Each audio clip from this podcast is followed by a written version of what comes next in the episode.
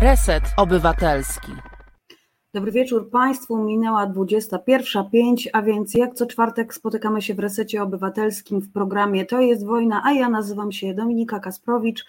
E, już czeka z nami gościni nasza dzisiejsza kolejna znakomita osoba, którą bardzo się cieszę, że miałam przyjemność zaprosić dla Państwa tutaj do programu. Ale zanim, zanim zaprosimy gościnie tutaj do nas na wizję, to ja też pozwolę przywitać sobie się z Państwem. E, a mamy już Państwa sporo tutaj i na czacie Państwo się z nami witają. Witam Pani Beato, Pani Anno, jest też Pan Kacper, Pan Marian, Pan Piotr, Pan Andrzej, Pan Waldek, Adrian Jasiński, tutaj nasz stały też bywalec, znajomek. Bardzo serdecznie Państwa wszystkich witam, ale także tych, którzy się jeszcze na czacie nie pojawili, a są z nami, oglądają, słuchają. Mm, pani Barbara, Pan Paweł dołączają w tym momencie.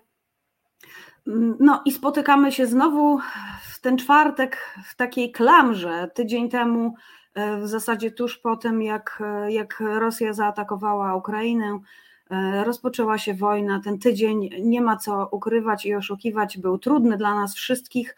Dla niektórych zapewne e, naszpikowany informacjami, przeglądaniem internetu, e, sprawdzaniem, co tam na Ukrainie się dzieje, dla innych ciężki ze względu na to, że gdzieś tam pakowanie, sortowanie, wożenie i, i, i tego typu praca aktywistyczna, e, pomocowa.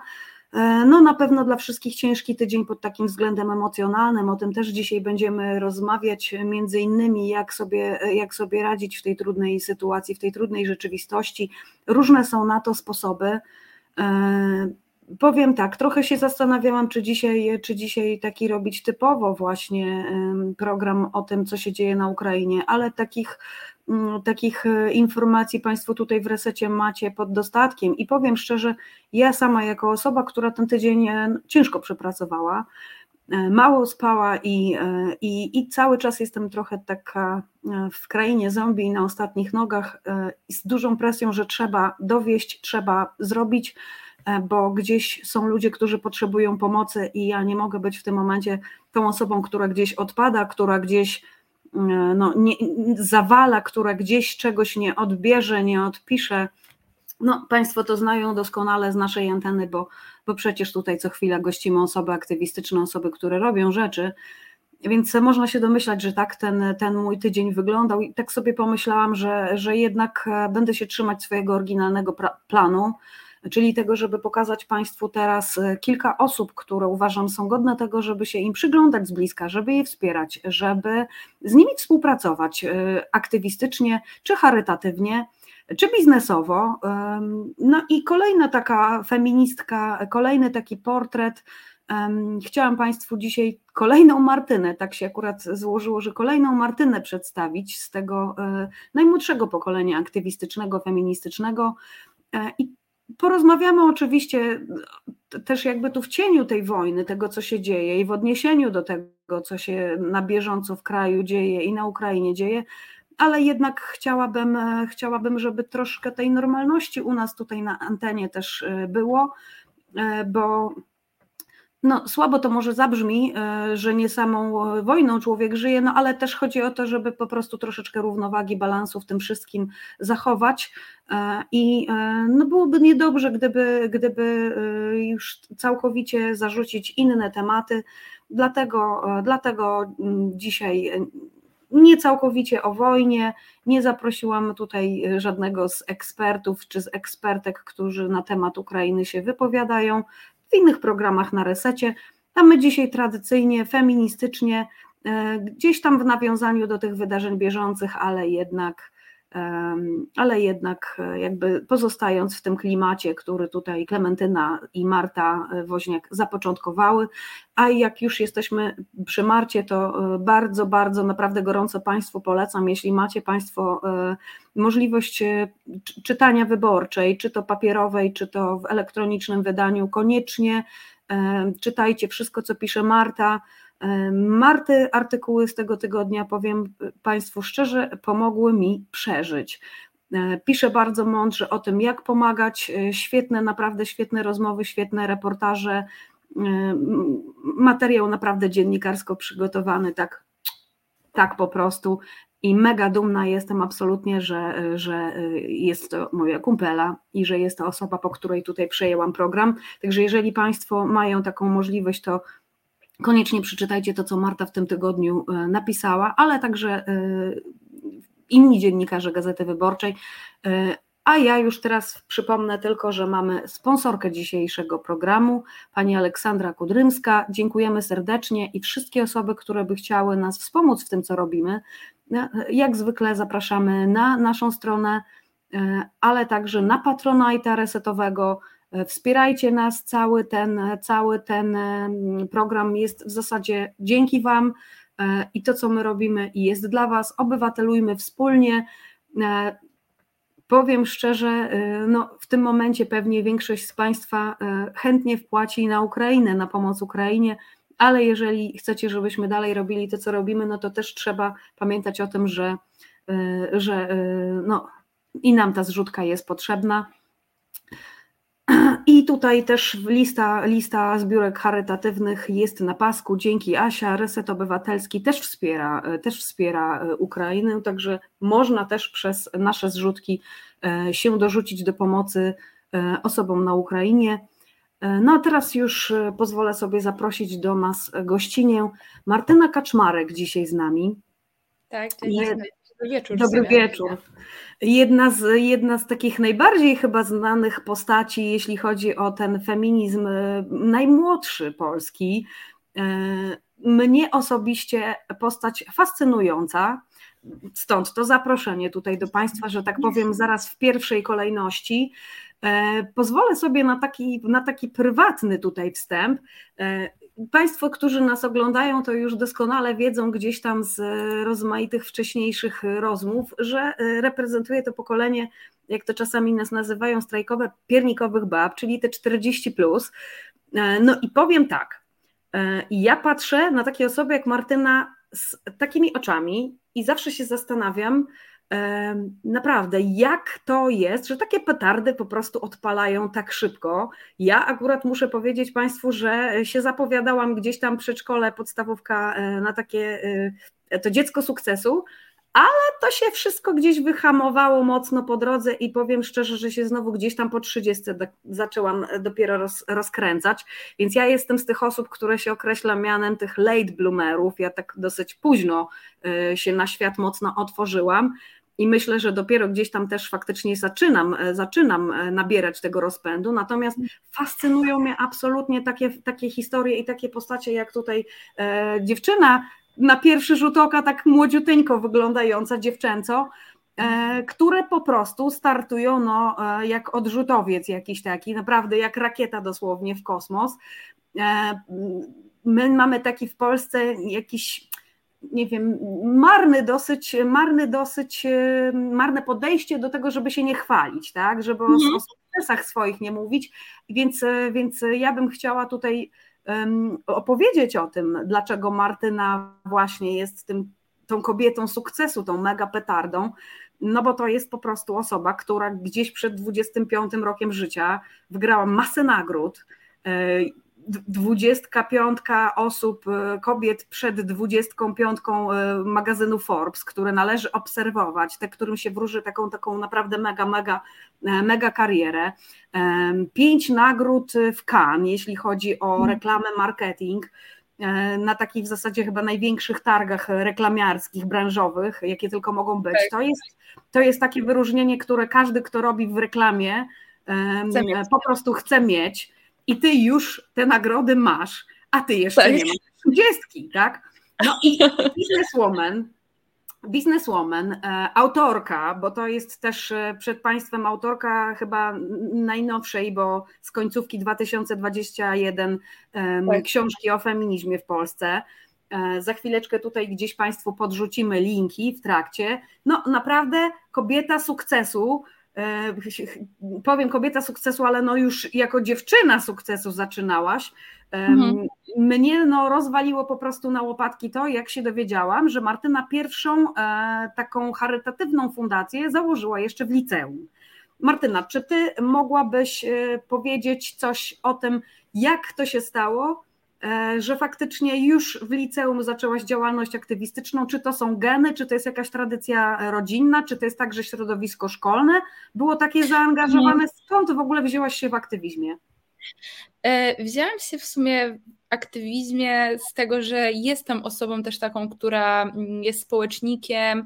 E, jeżeli jeżeli tutaj Państwo jesteście zaznajomieni, z, taką, z takimi kolorami osobowości, które można sobie też określić, e, to jestem kolorem takim żółtym, czyli właśnie taką osobą bardzo do ludzi, um, pracującą z ludźmi, właśnie wyznaczającym wizję, więc jakby zawsze gdzieś tam e, się mocno angażowałam, ale ta jakby ta charytatywność w tym się wzięła z tego, że moi rodzice, e, moja mama i mój ojczym, e, jak, miała, jak byłam w gimnazjum e, i jeszcze z wielu rzeczy sobie nie zdawałam sprawy, bo też jakby otwarcie mówię o tym, że miałam dosyć uprzywilejowane życie pod kątem takim finansowym i też jakby urodzenia się w dużym mieście. Był pewien taki okres, kiedy było ciężko po rozwodzie właśnie rodziców, gdzie mama rzeczywiście musiała wykonywać ogromną pracę, zarówno jakby zarobkową, jak, jak, jak i tą opiekuńczą i nie było najlepiej. No ale potem, potem jakby jak już ta sytuacja się ustabilizowała, to rzeczywiście miałam bardzo dobre życie, bardzo uprzywilejowane e, i często jak jesteśmy w tym przywileju, to nie widzimy wielu rzeczy, nie zdajemy sobie z nich sprawy, no bo żyjemy w naszej właśnie bańce. Jestem bardzo wdzięczna moim rodzicom za to, że właśnie mimo tego przywileju, mimo tego, że byliśmy w tej swojej takiej bańce, pewnego dnia przed świętami e, Bożego Narodzenia zabrali e, mnie i moją siostrę do rodziny takiej zastępczej w Szczecinie, której przygotowaliśmy właśnie całą jakby prezenty świąteczne. I wśród tych prezentów jakby no nie były prezenty, prezenty. Oczywiście takie też były, tak zabawki i tak dalej, ale też jakby takie podstawowe rzeczy, środki podstawowej potrzeby i to był taki moment, w którym jakby ja też jako ta nastolatka, która e, myślała, że największym jej problemem jest to, że nie ma najnowszego telefonu teraz e, z klawką, czy tam już nie wiem, czy już były jakieś tam inne, e, ale jakby nagle zorientowałam się, że nie o to chodzi, nie? W sensie, że jakby, e, że to nie jest problem. A wiem, że to brzmi tak strasznie banalnie, no ale jednak jakby dla takiej nastolatki, która też jakby jest karmiona różnymi komunikatami E, ze świata i z tego, co jest cool, co nie jest cool, jakby co trzeba zrobić, żeby być cool, e, to nagle jakby miałam poczucie, że wtedy mój światopogląd tej trzynastolatki jakby się troszeczkę jakby tak wow, zburzył. No i to był taki moment przełomowy, bo jak, jakby mimo już tego, że jestem dwa razy starsza, to wiem, jakby cały czas pamiętam ten moment i wiem, że to był taki moment przełomowy w moim myśleniu. I w takim też, i ja wtedy też jako trzynastolatka, właśnie w pierwszej klasie gimnazjum w ogóle zostałam zdiagnozowana też z e, zespołem lęku napadowego, z atakami paniki e, i miałam też takie poczucie, że jakby mam najgorzej na świecie, że jakby, że jakby nikt nie ma gorzej niż ja, bo jakby mam wrażenie, że umieram raz na dzień, jak mam atak paniki. I poznanie też tej historii pozwoliło mi też jakby przekierować te moje takie emocje i um, i, i uwagę, atencję też na drugą osobę. I mam wrażenie, że, znaczy, no nie jest wrażenie, jestem przekonana, że każdy, każdy z nas pomagając, coś ma z tego też dla siebie. I nie ma w tym mhm. nic złego, moim zdaniem. Jakby e, oczywiście wiadomo, najważniejsza jest nasza intencja, że chcemy dobrze, że chcemy, że chcemy komuś pomóc, ale jeżeli to sprawia, że um, ja na przykład mogę poczuć się ja mogę na przykład przypomnieć sobie o tym, co jest naprawdę ważne w życiu, to moim zdaniem jest to taka sytuacja, gdzie wygrywamy i ja wygrywam i wygrywa ta osoba, której pomagam. Więc e, to był taki moment właśnie w moim życiu, no i potem jakby było liceum, w liceum byłam właśnie przewodniczącą samorządu e, szkolnego i miałam bardzo dużo możliwości przez to, e, bo też jakby chodziłam do mm, dużego liceum, bardzo też takiego no, no liceum z takiego top 50 e, w kraju i e, takiego liceum, gdzie rzeczywiście jakby bardzo się doceniało różne działania i to, żeby właśnie robić rzeczy, no i jako po prostu przewodnicząca miałam takie możliwości, żeby, żeby robić rzeczy i robiłam je, bo też zaczęłam dostrzegać, że znowu nie tylko, nie tylko mogę właśnie pomagać, nie tylko mogę jakby zmieniać, rzeczy na lepsze, ale też zaczęłam powoli klarować też moją taką drogę, kim ja chcę być po liceum. Zaczęłam dostrzegać, że jestem dobra w tworzeniu um, marek, konceptów, jakby um, i marketingu takim, mhm. e, wiadomo.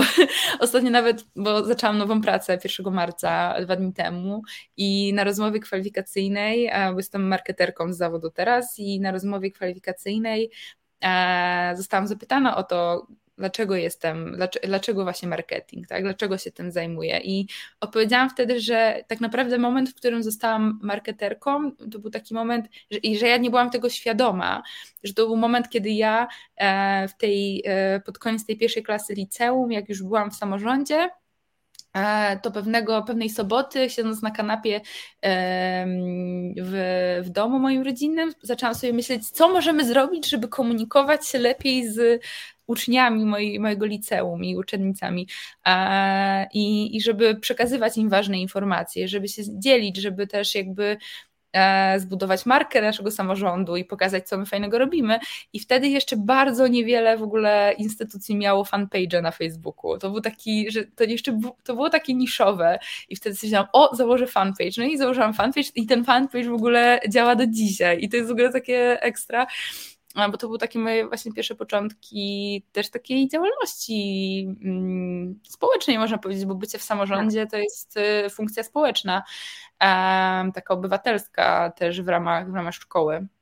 No i to tak naprawdę tam się wszystko zaczęło, bo tam też właśnie pierwszy raz była akcja Dzień dla Życia, czyli akcja właśnie e, związana z e, krwiodawstwem i propagowaniem w ogóle idei krwiodawstwa, dawstwa też e, narządów pośmiertnie oraz rejestracji się jako um, potencjalny dawca szpiku kostnego.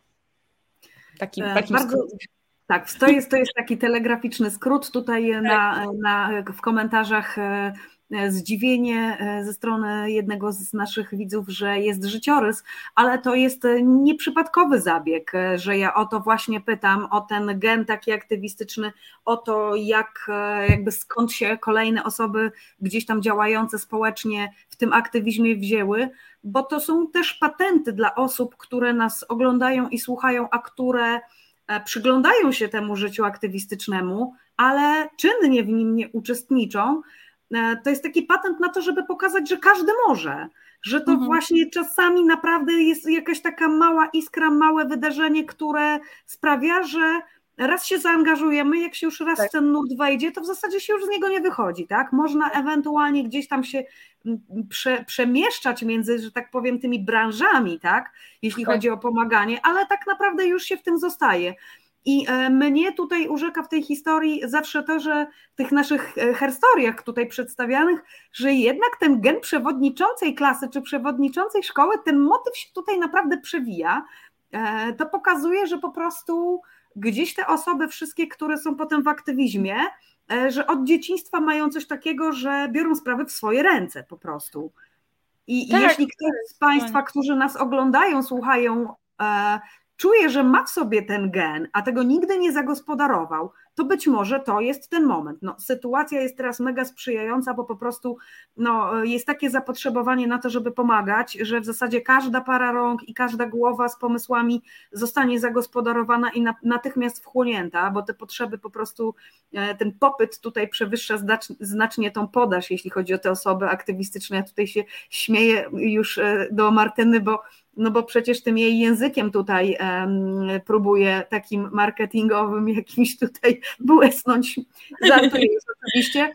No ale tak, tutaj pani Basia pisze na czacie, że nie każdy może być aktywistą, bo trzeba mieć odpowiednie cechy charakteru i też wsparcie. Tak, to jest mega ważne. E, I ważne jest też, żeby faktycznie iść za tym głosem takim instynktu, który mówi, żeby robić. I też e, wiem, że nas sporo ogląda młodszych osób, chciałam podkreślić jedno, że warto iść takim ciosem jak Martyna, czyli patrzeć w czym ja jestem dobry, w czym ja jestem dobra i tutaj szukać swojej dalej drogi na życie, bo często jest tak, że młodzież, no ja tyle lat z młodzieżą pracowałam w szkole, że, że jakby znam dokładnie ten tok myślenia, bardziej się myśli, a jestem dobra w tym przedmiocie, z tą panią to nie chcę nic nie, mieć do czynienia, więc nie pójdę na, na maturę z jakiegoś tam przedmiotu, bo bym z nią musiała ciągle tam coś y, się spotykać. No a tak naprawdę potem się okazuje, że to jakie studia wybieramy, to czasami ma mniejsze znaczenie niż to, jakie mamy właśnie te predyspozycje, i te cechy tak. charakteru i w czym jesteśmy po prostu tak na, w praktyce dobrzy. E, no i to jest zdecydowanie ważniejsze, żeby za tym głosem iść.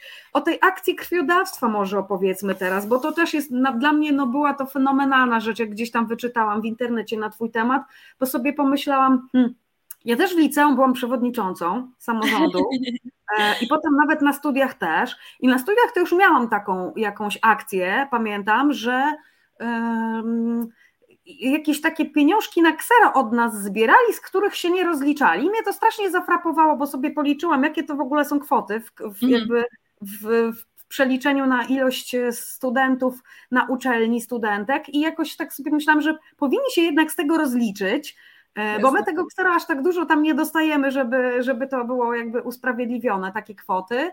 E, no a już czarę goryczy to pamiętam, że przelało, jak nam zatrzymali obiegówki przed, przed sesją egzaminacyjną i te osoby, które nie wpłaciły na to ksero, to nie dostały tej obiegówki. I wtedy to pamiętam, że taki naprawdę jakby we mnie piorun strzelił, e, ten strajkowy, i, i, I tak sobie pomyślałam, że nie no, cholera, ja coś z tym po prostu muszę zrobić. To tak nie może być, absolutnie. No mm. i zaczęło się dziennikarskie śledztwo, bo ja akurat dziennikarstwo studiowałam i rozpoczęłam dziennikarskie śledztwo, co z tą kasą. Mało przez to z uczelni mnie nie wywalono. Były takie były takie próby, żeby mnie w różne sposoby e, zdyscyplinować albo mnie zastraszyć i mnie po prostu z uczelni wyrzucić, ale się nie udało. Skończyłam studia i to była chyba taka pierwsza akcja, ale ja byłam jednak wtedy już blis, blisko końca tych studiów, więc byłam już osobą no, dorosłą, a tutaj sobie myślałam, no licealistka, która wykręciła największą chyba w historii w ogóle polskiego krwiodawstwa taką akcję. E, no, na stadionie narodowym. To, e, na, na, na Stadionie Narodowym ja już byłam na pierwszym roku studiów wtedy w Warszawie, e, bo, bo jestem szczecinianką, do, do liceum chodziłam w Szczecinie i tam pierwszy raz rzeczywiście już jeszcze jako przewodnicząca samorządu e, w ostatniej klasie, już klasie maturalnej, zorganizowaliśmy właśnie akcję Dzień dla Życia. Dlaczego krwiodawstwo? Dlatego, że ja po prostu, dla mnie to, że jako osiemnastolatka że jak skończę 18 lat i pójdę, pójdę oddać krew, to było coś takiego jakby oczywistego, też z tego względu, że po prostu mój dziadek e, był zasłużonym honorowym dawcą krwi, oddał w swoim życiu ponad 60 litrów e, krwi i zawsze o tym opowiadał bardzo i pokazywał swoje medale i tak dalej. I to było dla mnie takie, okej, okay, no jakby kończę 18, idę idę oddać krew. No i rzeczywiście poszliśmy z moimi kolegami e, pewnego dnia tą krew oddać i po prostu wychodząc z stacji krwiodawstwa zauważyłam właśnie e, krwiobóz, ten taki autobus mobilny, nie? Mhm. Do poboru krwi. E, no i od razu właśnie się włączyła ta moja, e, ta moja przewodnicząca i ta moja taka inicjatorka, e, bo od razu jakby w mojej głowie po prostu zwizualizował się ten autobus u nas na boisku szkolnym e, i zorganizowanie takiej akcji w ciągu dnia, połączenie, połączenie tego oczywiście też z rejestracją właśnie w bazie dawców szpiku kostnego i podpisywaniem oświadczeń woli i w ogóle edukacji na temat tego, jak wygląda u nas w Polsce prawo związane właśnie z e, oddawaniem e, narządów po śmierci. No i e, złożyłam to wszystko w taką właśnie całość i w ogóle i stworzyłam właśnie markę. To była, moja, to była pierwsza marka, którą ja w swoim życiu stworzyłam, tak? Bo właśnie wymyśliłam nazwę, stworzyłam logo, jakieś cele określiłam, tak? Jakby strategię, co chcemy osiągnąć. no i zrobiliśmy tą akcję. To była taka, z tego co mi panie w stacji krwiodawstwa, właśnie w Regionalnym Centrum Krwiodawstwa w Szczecinie mówiły, to była taka pierwsza akcja dla nich e, w szkole średniej. Wcześniej gdzieś tam też jakby te, te busy, właśnie te busy są po to, żeby jeździć na akcję. Mhm. Ale to była taka pierwsza akcja akurat w, u mnie w rejonie w szkole średniej. No i pomyślałam sobie, że że to jest jakby też super moment, jakby bycie w liceum, bycie maturzystą, maturzystką, ten okres 18-19 lat, no to to jest świetny moment na to, żeby się pierwszy raz zetknąć właśnie z czymś, co można robić już w tym wieku, nie? Bo jakby czekamy na tą osiemnastkę e, z myślą inną, e, no prawo jazdy, no niektórzy myślą też o, o alkoholu, używkach, że, że można już legalnie, e, ale jest też coś właśnie, co można zrobić dla drugiej osoby. No i tak, a potem, potem rzeczywiście, jak już zdałam maturę, zdecydowałam się, dostałam się na studia do Warszawy, zdecydowałam się przeprowadzić do Warszawy to od razu zaczęłam też myśleć jakby ok, co dalej, nie? Jakby co dalej właśnie z Dniem dla Życia, co, e, co robimy. Zrobiliśmy takie, taką akcję właśnie mm, symultanicznie w 16 szkołach w całej Polsce. E, kilka miesięcy później, już po starcie studiów, no a potem rzeczywiście to był lipiec chyba. E, tak, to był lipiec. Zrobiliśmy ogólnopolski zlot krwiodawców na Stadionie Narodowym w Warszawie, co było w ogóle, w sensie, ja, to, ja teraz z perspektywy czasu, chociaż nie minęło jakoś, nie wiem, 20, 30 lat, no minęło co, mam teraz 27 w marcu, wtedy miałam 19-20, no to minęło tam te 8 lat, e, to myślę sobie po tych 8 latach, że nie miałam pojęcia, co ja robię w ogóle wtedy, w tym momencie, ale po prostu jakby jestem bardzo wdzięczna swoim rodzicom też, tak, bo e, ja mimo tego, że nie byłam osobą taką w 100% kompetentną do tego, żeby to robić, e, bo nie miałam jakiegoś tam super doświadczenia, miałam takie wiadomo, no, licealne, miałam ogromne chęci, e, żeby coś zrobić, żeby, żeby komuś pomóc, ale miałam sobie tą pewność siebie, żeby to zrobić, żeby jakby, żeby nawet jakby popełnić błąd, popełnić błędy i się z nich nauczyć. Um, I jestem bardzo wdzięczna moim rodzicom za to, że um, zbudowali we mnie też taką właśnie pewność siebie i, i właśnie mhm. taką przestrzeń na popełnianie tych błędów, przestrzeń na to, żeby podejmować swoje, swoje decyzje e, i się po prostu z nich potem e, na podstawie nich uczyć, bo ja myślę, że szczególnie jako kobiecie, dziew, dziewczynie, kobiecie może być ciężko z tą pewnością siebie, nie? Tak. tak. No to ja tutaj jestem żywym dowodem, proszę Państwa, dokładnie na to, co Martyna teraz powiedziała, bo ja, e, tak jak powiedziałam, się zapowiadałam do pewnego momentu właśnie na taką rakietę, ale potem przyszło to zderzenie z rzeczywistością, e, która promowała po prostu chłopców, E. I, i, I jako kilkunastolatka naprawdę wiele, wiele razy zderzyłam się w środowisku szkolnym i gdzieś poza szkołą, robiąc właśnie rzeczy już, jakoś tam pomalutku działając sobie społecznie. Zdarzałam się naprawdę z tym, że raz, dziewczyna to nikt jej nie traktował poważnie, dwa, dziewczyna, która jeszcze przychodzi i mówi, że tak, a ja bym chciała to, to i tamto, a ja chcę mm. zrobić to i to, to w ogóle wejdź stąd, co ty tutaj chcesz? Raz, mało lata, dwa, przychodzisz i tutaj do stolika z facetami siadasz i coś chcesz? I y, y, dostałam taki komunikat naprawdę, że um, taki mega, mega właśnie wtłaczający y, w ten patriarchat, że, że niedobrze jest, jak ja wychodzę ze swoją taką naturalną pewnością siebie, że niedobre jest to, że właśnie byłam w takim domu, gdzie nie było, że dzieci i ryby głosu nie mają, tylko dzieci były traktowane e, bardzo demokratycznie, dzieci miały głos, dzieci współdecydowały i jakby nie było różnicy między mną a moim bratem, że dziewczynie coś nie wolno, a chłopakowi wolno, my byliśmy bardzo tak um, jednocześnie sprawiedliwie traktowani, ale też um, no, bardzo podobnie, mieliśmy te same jakby zasady, nie było innych zasad dla dla brata, innych zasad dla mnie, więc e, mi się wydawało, że tak wszędzie jest, a potem się okazało, że też to był właśnie mój przywilej.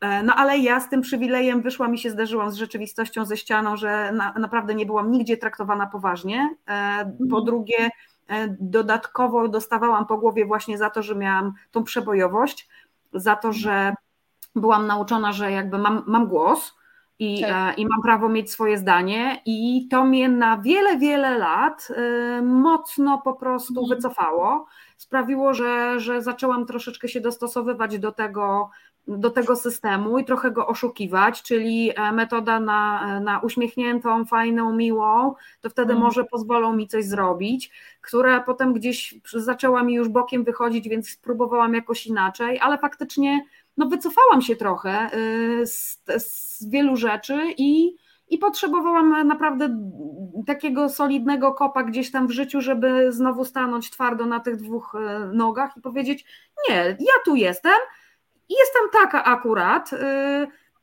stereotypowo, nie wiem, więcej mam tych cech powiedzmy uznawanych za męskie i tak i właśnie taka jestem i taka się sobie podobam i jak udaję, że jestem kimś innym, to jestem nieszczęśliwa, więc od dzisiaj będę zabierała głos wtedy, kiedy będę chciała zabrać głos i nikt mnie już nie będzie uciszał. No ja do tego doszłam gdzieś po trzydziestce, że jestem bardzo nieszczęśliwa po prostu w tym patriarchacie, który mnie gdzieś tam właśnie w jakąś rolę wpycha, w której ja się absolutnie dobrze nie czuję.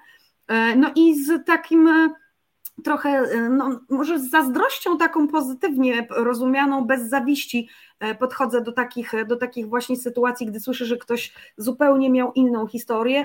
No, e, chciałabym, żeby po prostu tak było i żeby więcej osób miało taką sytuację jak ty w życiu, niż taką jak ja na przykład. Wiesz co, e, zgadzam się z tobą, ale też mogę opowiedzieć, bo, bo, bo mnie też patriarchat e, spotkał na tej drodze. Mhm bo ja fundację prowadziłam przez 3 lata i um, takim, to było też takie moje pierwsze zdarzenie z tym, że, e, że robisz coś dobrego i spotykacie za to hejt, czy właśnie, tak. czy jakieś nieprzyjemne sytuacje.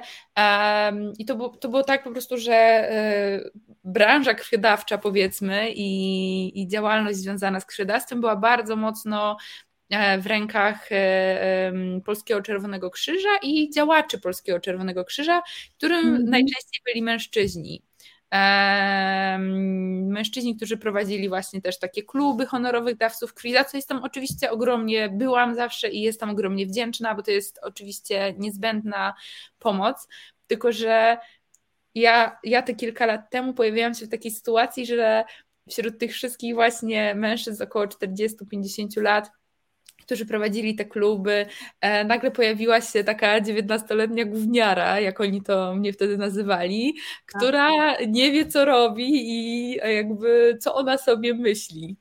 E, co ona sobie myśli, a jak w ogóle, a jak jakby dostaliśmy możliwość zorganizowania akcji na Stadionie Narodowym, bo stadion też w ogóle nam e, był naszym takim partnerem, że udostępnili nam lokalizację za, za darmo, um, po prostu w ramach takiej właśnie też działalności społecznej, charytatywnej, to w ogóle jakby była masakra, jakby, że jak to, jak to ta... I zaczę, zaczęli, zaczęli, zaczęto oczywiście poszukiwać jakiejś konekcji, że o, że córka kogoś tam może i jakiś snuć, snuć, snucia scenariuszy, a prawda była taka, że ja po prostu pomyślałam sobie, ej, super byłoby zrobić to na stadionie narodowym, to może spróbujemy i napiszemy. I po prostu napisałam. Jakby nie zastanawiałam się nad tym, co będzie, jak mi odmówią. Jakby nie, no po prostu stwierdziłam, mhm. okej, okay, napiszę. Jakby zgodzą się, super, nie zgodzą się, trudno. Um, I po prostu napisałam, a w ogóle ciekawostka, dziewczyna, która e, odpisywała mi na tego maila i z którą dogadywałam wszystkie szczegóły i potem była taką menadżerką właśnie nasze, naszego wydarzenia, jest moją sąsiadką aktualnie. Mały świat. Więc, e, więc ja też ja też w momencie miałam, miałam taki moment, że to mnie też przytłoczyło, nie? Po prostu ta ilość tego takiego próby uciszenia też mnie jako młodej kobiety była w tym momencie już taka też dla mnie przytłaczająca i ja rzeczywiście się, ja się wypaliłam wtedy. Ja po tych trzech latach miałam tak, taką sytuację, że e, stwierdziłam, że po, po pierwsze miałam bardzo niefajną relację też w ogóle z pieniędzmi w aktywizmie, bo absolutnie nie brałam wtedy pod uwagę, że mogłabym jako prezeska fundacji zarabiać i przez te trzy lata ani razu nie pobrałam wynagrodzenia i w ogóle uważałam, że nie powinno się tak robić.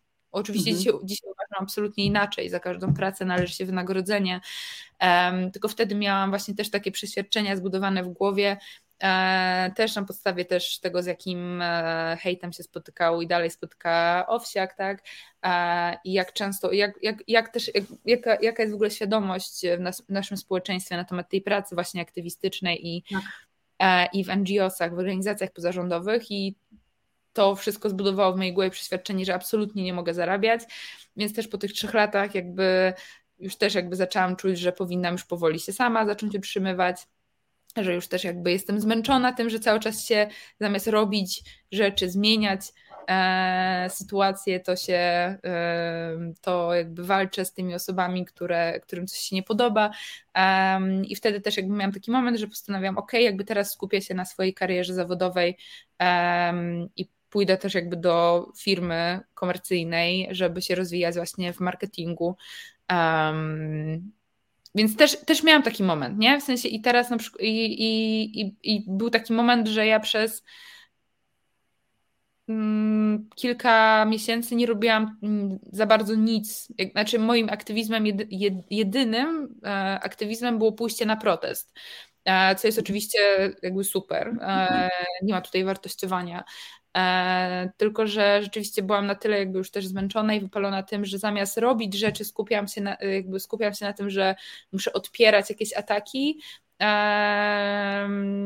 I, i, I, sobie myślałam, że gdybym była facetem, to bym nie musiała. I to było też takie moje pierwsze feminist, takie właśnie zderzenie się właśnie z tym, że jestem feministką i utwierdzenie się w mhm. tym, że patriarchat jest zły i że gdybym była facetem, to moje życie by było mega łatwiejsza. Pozwolę sobie tutaj nawiązać też do dyskusji na czacie. E, pan Waldek pewnie poszedł na ten mecz, który w tej chwili się zaczął. E, Liga Brytyjska, zawodnicy obu zespołów wyszli na boisko opatuleni flagami Ukrainy, piękny gest. E, no i gdyby pan Waldek nie, nie poszedł na ten mecz, tylko został z nami, ale mam nadzieję, że wróci tutaj za chwilę, to by wiedział, że przez ten życiorys Martyny właśnie Zobaczcie, jak pięknie przyszliśmy już y, do, y, do, do rozmawiania o patriarchacie, o tym, jak są kobiety młode traktowane w społeczeństwie, y, o tym, że jest niedoceniana i absolutnie niewynagradzana tak, jak powinna być praca w aktywizmie. Czyli tu przez ten taki e, wstęp z życiorysem od razu w, zas w zasadzie doszłyśmy do meritum tego programu, do tych zagadnień, na które tutaj Państwo przychodzą na ten program, że tak powiem. E, więc do, do tego życiorysu cały czas tutaj będziemy nawracać, bo to jest po prostu świetny w ogóle materiał już do dyskusji e, i właśnie do jakichś takich głębszych filozoficzno, filozoficzno-ekonomiczno, jakichś równościowych rozkmin, nazywając to już tak skrótowo najbardziej. E, dodam tutaj tylko jeszcze, że pani Basia skomentowała, świetne to jest naprawdę, świetne zdanie, ja to sobie muszę aż słuchajcie potem zapisać. Faceci zostają politykami, a dziewczyny aktywistkami. Coś w tym jest, prawda? Bo, jest, tak, zdecydowanie. Tak, bo oni od początku gdzieś tam z tym ego pchają się po prostu i, i yy, na ten świecznik, natomiast dziewczyny po prostu robią rzeczy. Często po cichu, bez rozgłosu, po prostu robią rzeczy. Ale to, to jest nawet też kwestia tej, jakby mam wrażenie, bo aktywizm z polityką jest bardzo blisko, jakby są bardzo bliskie tak. sobie dziedziny. E, mhm. I mam wrażenie, że między aktywizmem a polityką jest często to taka, tak, może, można nawet powiedzieć, że taki szklany sufit, e, no bo rzeczywiście bycie politykiem w naszym kraju, no to jest nadal domena zdecydowanej większości mężczyzn, tak? I dojście do głosu, możliwość dojścia do głosu, możliwość jakby wypowiedzenia się na jakiś temat, e, czy to w mediach jako eksperci, ekspertki, czy w Sejmie, gdzie nadal mamy o wiele mniej kobiet e, zasiadających, tak? No już nie mówiąc oczywiście o wszelkiego rodzaju ministerstwach, no i rządzie. A ja jeszcze od razu chciałam jedną, e, jedną rzecz wyjaśnić też i, i, i e, to też jest jakiś pretekst dalej do rozmowy, e, do dyskusji, bo no, samo to tutaj pytanie o to, dlaczego ja od tego życiorysu jakby zaczynam znowu, kiedy w zajawce było, że będziemy o pomocy na, między innymi rozmawiać w czasie mhm. wojny, jak tam co robić, no, ale też proszę zauważyć taką prostą rzecz, jak głęboko ten patriarchat i to wszystko w nas, w nas tkwi, że nawet ja, tutaj e, osoba, która no, całe swoje w tym momencie dorosłe życie i zawodowe, i, i prywatne poświęca właśnie na walkę z tym patriarchatem, e, na, na uprawianie po prostu feminizmu, e, aktywizmu feministycznego, gdzieś mam w głowie z tyłu, że ja muszę oszukać trochę ten system i nawet tą naszą publiczność, która jest wyrobiona, bo to jest naprawdę wyrobiona publiczność, to są osoby, które tutaj przyszły obywatelować, które robią rzeczy świadomie i jednak wiedząc, że to jest feministyczny program, ja gdzieś mam cały czas z tyłu głowy, że mhm. zapraszam młode dziewczyny, na te serie takie portretowe, więc, żeby ukrócić jakieś dyskusje na temat, czy ta osoba ma kwalifikacje i kompetencje do tego, żeby się wypowiadać na jakieś tematy, dlaczego nie, nie zaprosiłam tutaj jakiejś tam osoby 50, plus, która powiedzmy ten życiorys ma jakiś tam dużo bardziej rozbudowany, e, no to ja gdzieś tam, e, mając to wszystko wdrukowane, myślę sobie, jak najpierw przedstawię tę osobę i powiem, jakie ona ma sukcesy, co ona tak. już osiągnęła w tym młodym tak. wieku, jakby buduje jej, e, buduje jej taką pozycję, i, I, już nikt nie będzie po prostu kwestionował tego, dlaczego ja ją akurat pytam um, o jakieś tam rzeczy, tak? Dlaczego ją w ogóle pytam o to, co ona sądzi na jakiś tam y, temat, bo będą wiedzieli, że jest osoba, która absolutnie ma te kompetencje i, i ma te kwalifikacje do tego, żeby się gdzieś tam publicznie wypowiadać. I to samo w sobie, jak się na tym łapie, no to już wiem, że po prostu ten patriarchat zrył mi beret, no. Bo no przecież no tak. gdyby chodziło o faceta, to absolutnie nie miałabym czegoś takiego, że ja muszę jakoś to podbudować już wcześniej, tego mojego gościa, żeby nikt nie, czasami nie zadał takiego pytania, a dlaczego tą osobę pytamy w ogóle o zdanie, e, ona jest młoda, co ona może mieć do powiedzenia, jeszcze tam świata nie zna, życia nie zna, tak? No więc to też takie trochę było działanie w ten sposób, na oszukanie właśnie tego, co wszystkim nam gdzieś głęboko, dawno wdrukowano i często nawet z tego sobie nie zdajemy e, sprawy. To tak już, żeby e, nawiązać do tego patriarchatu, o którym gdzieś przed chwilą samo z nas wypłynęło, a jednocześnie też wyjaśnić, czemu taka, a nie inna koncepcja jakby na chronologię tej dzisiejszej rozmowy, tak?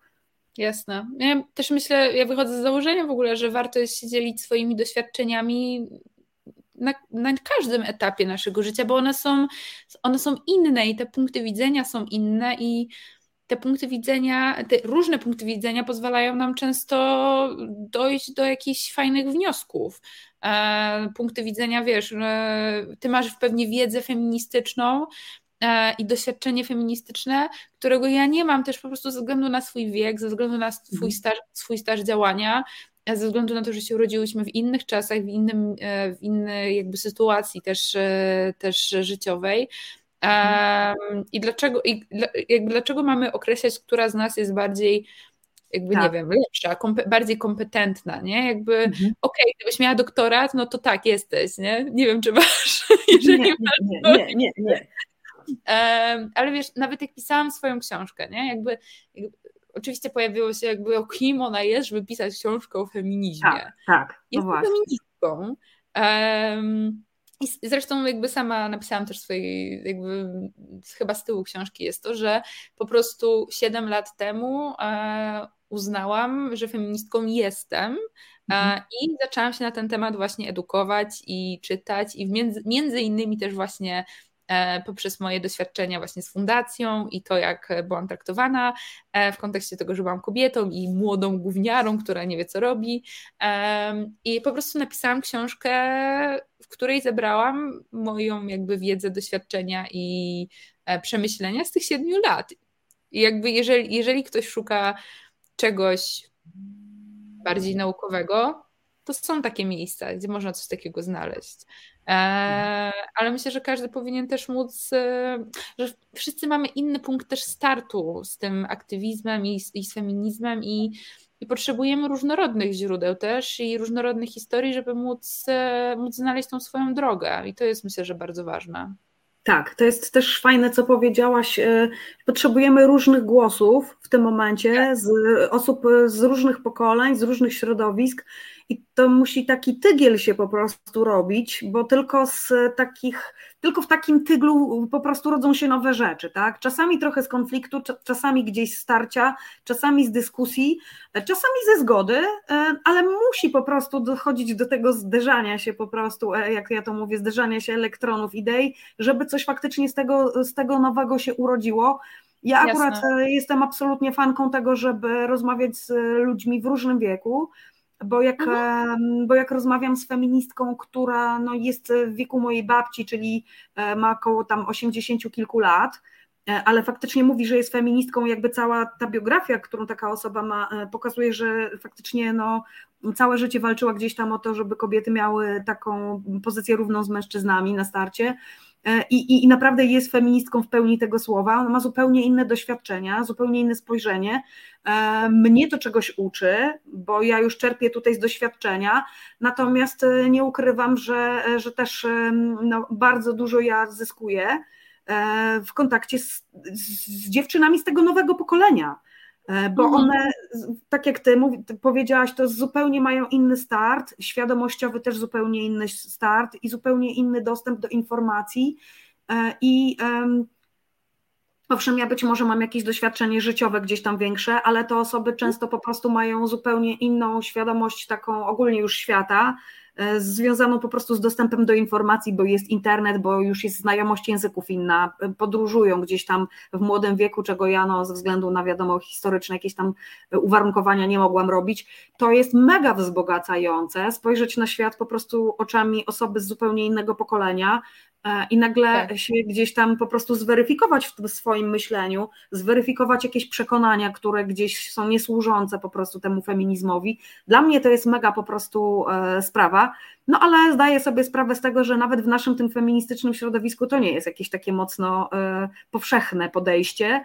I często tak jest, że gdzieś tam ta hierarchia się z wiekiem tworzy. Ja tego bardzo nie lubię, bo mhm. ja sama doświadczam tego, że najwięcej uczę się od swoich własnych dzieci w domu E, ja mam akurat, e, tu Państwo wiedzą, ale ty, ty, chyba Martyna jeszcze gdzieś tam nie, nie, nie wiesz, więc ja mam troje, troje dzieci. Mój syn ma 17 lat, e, jest też już w takim właśnie liceum prestiżowym, też uczy się do międzynarodowej matury, to taki tutaj okay. punkt, punkt styczności.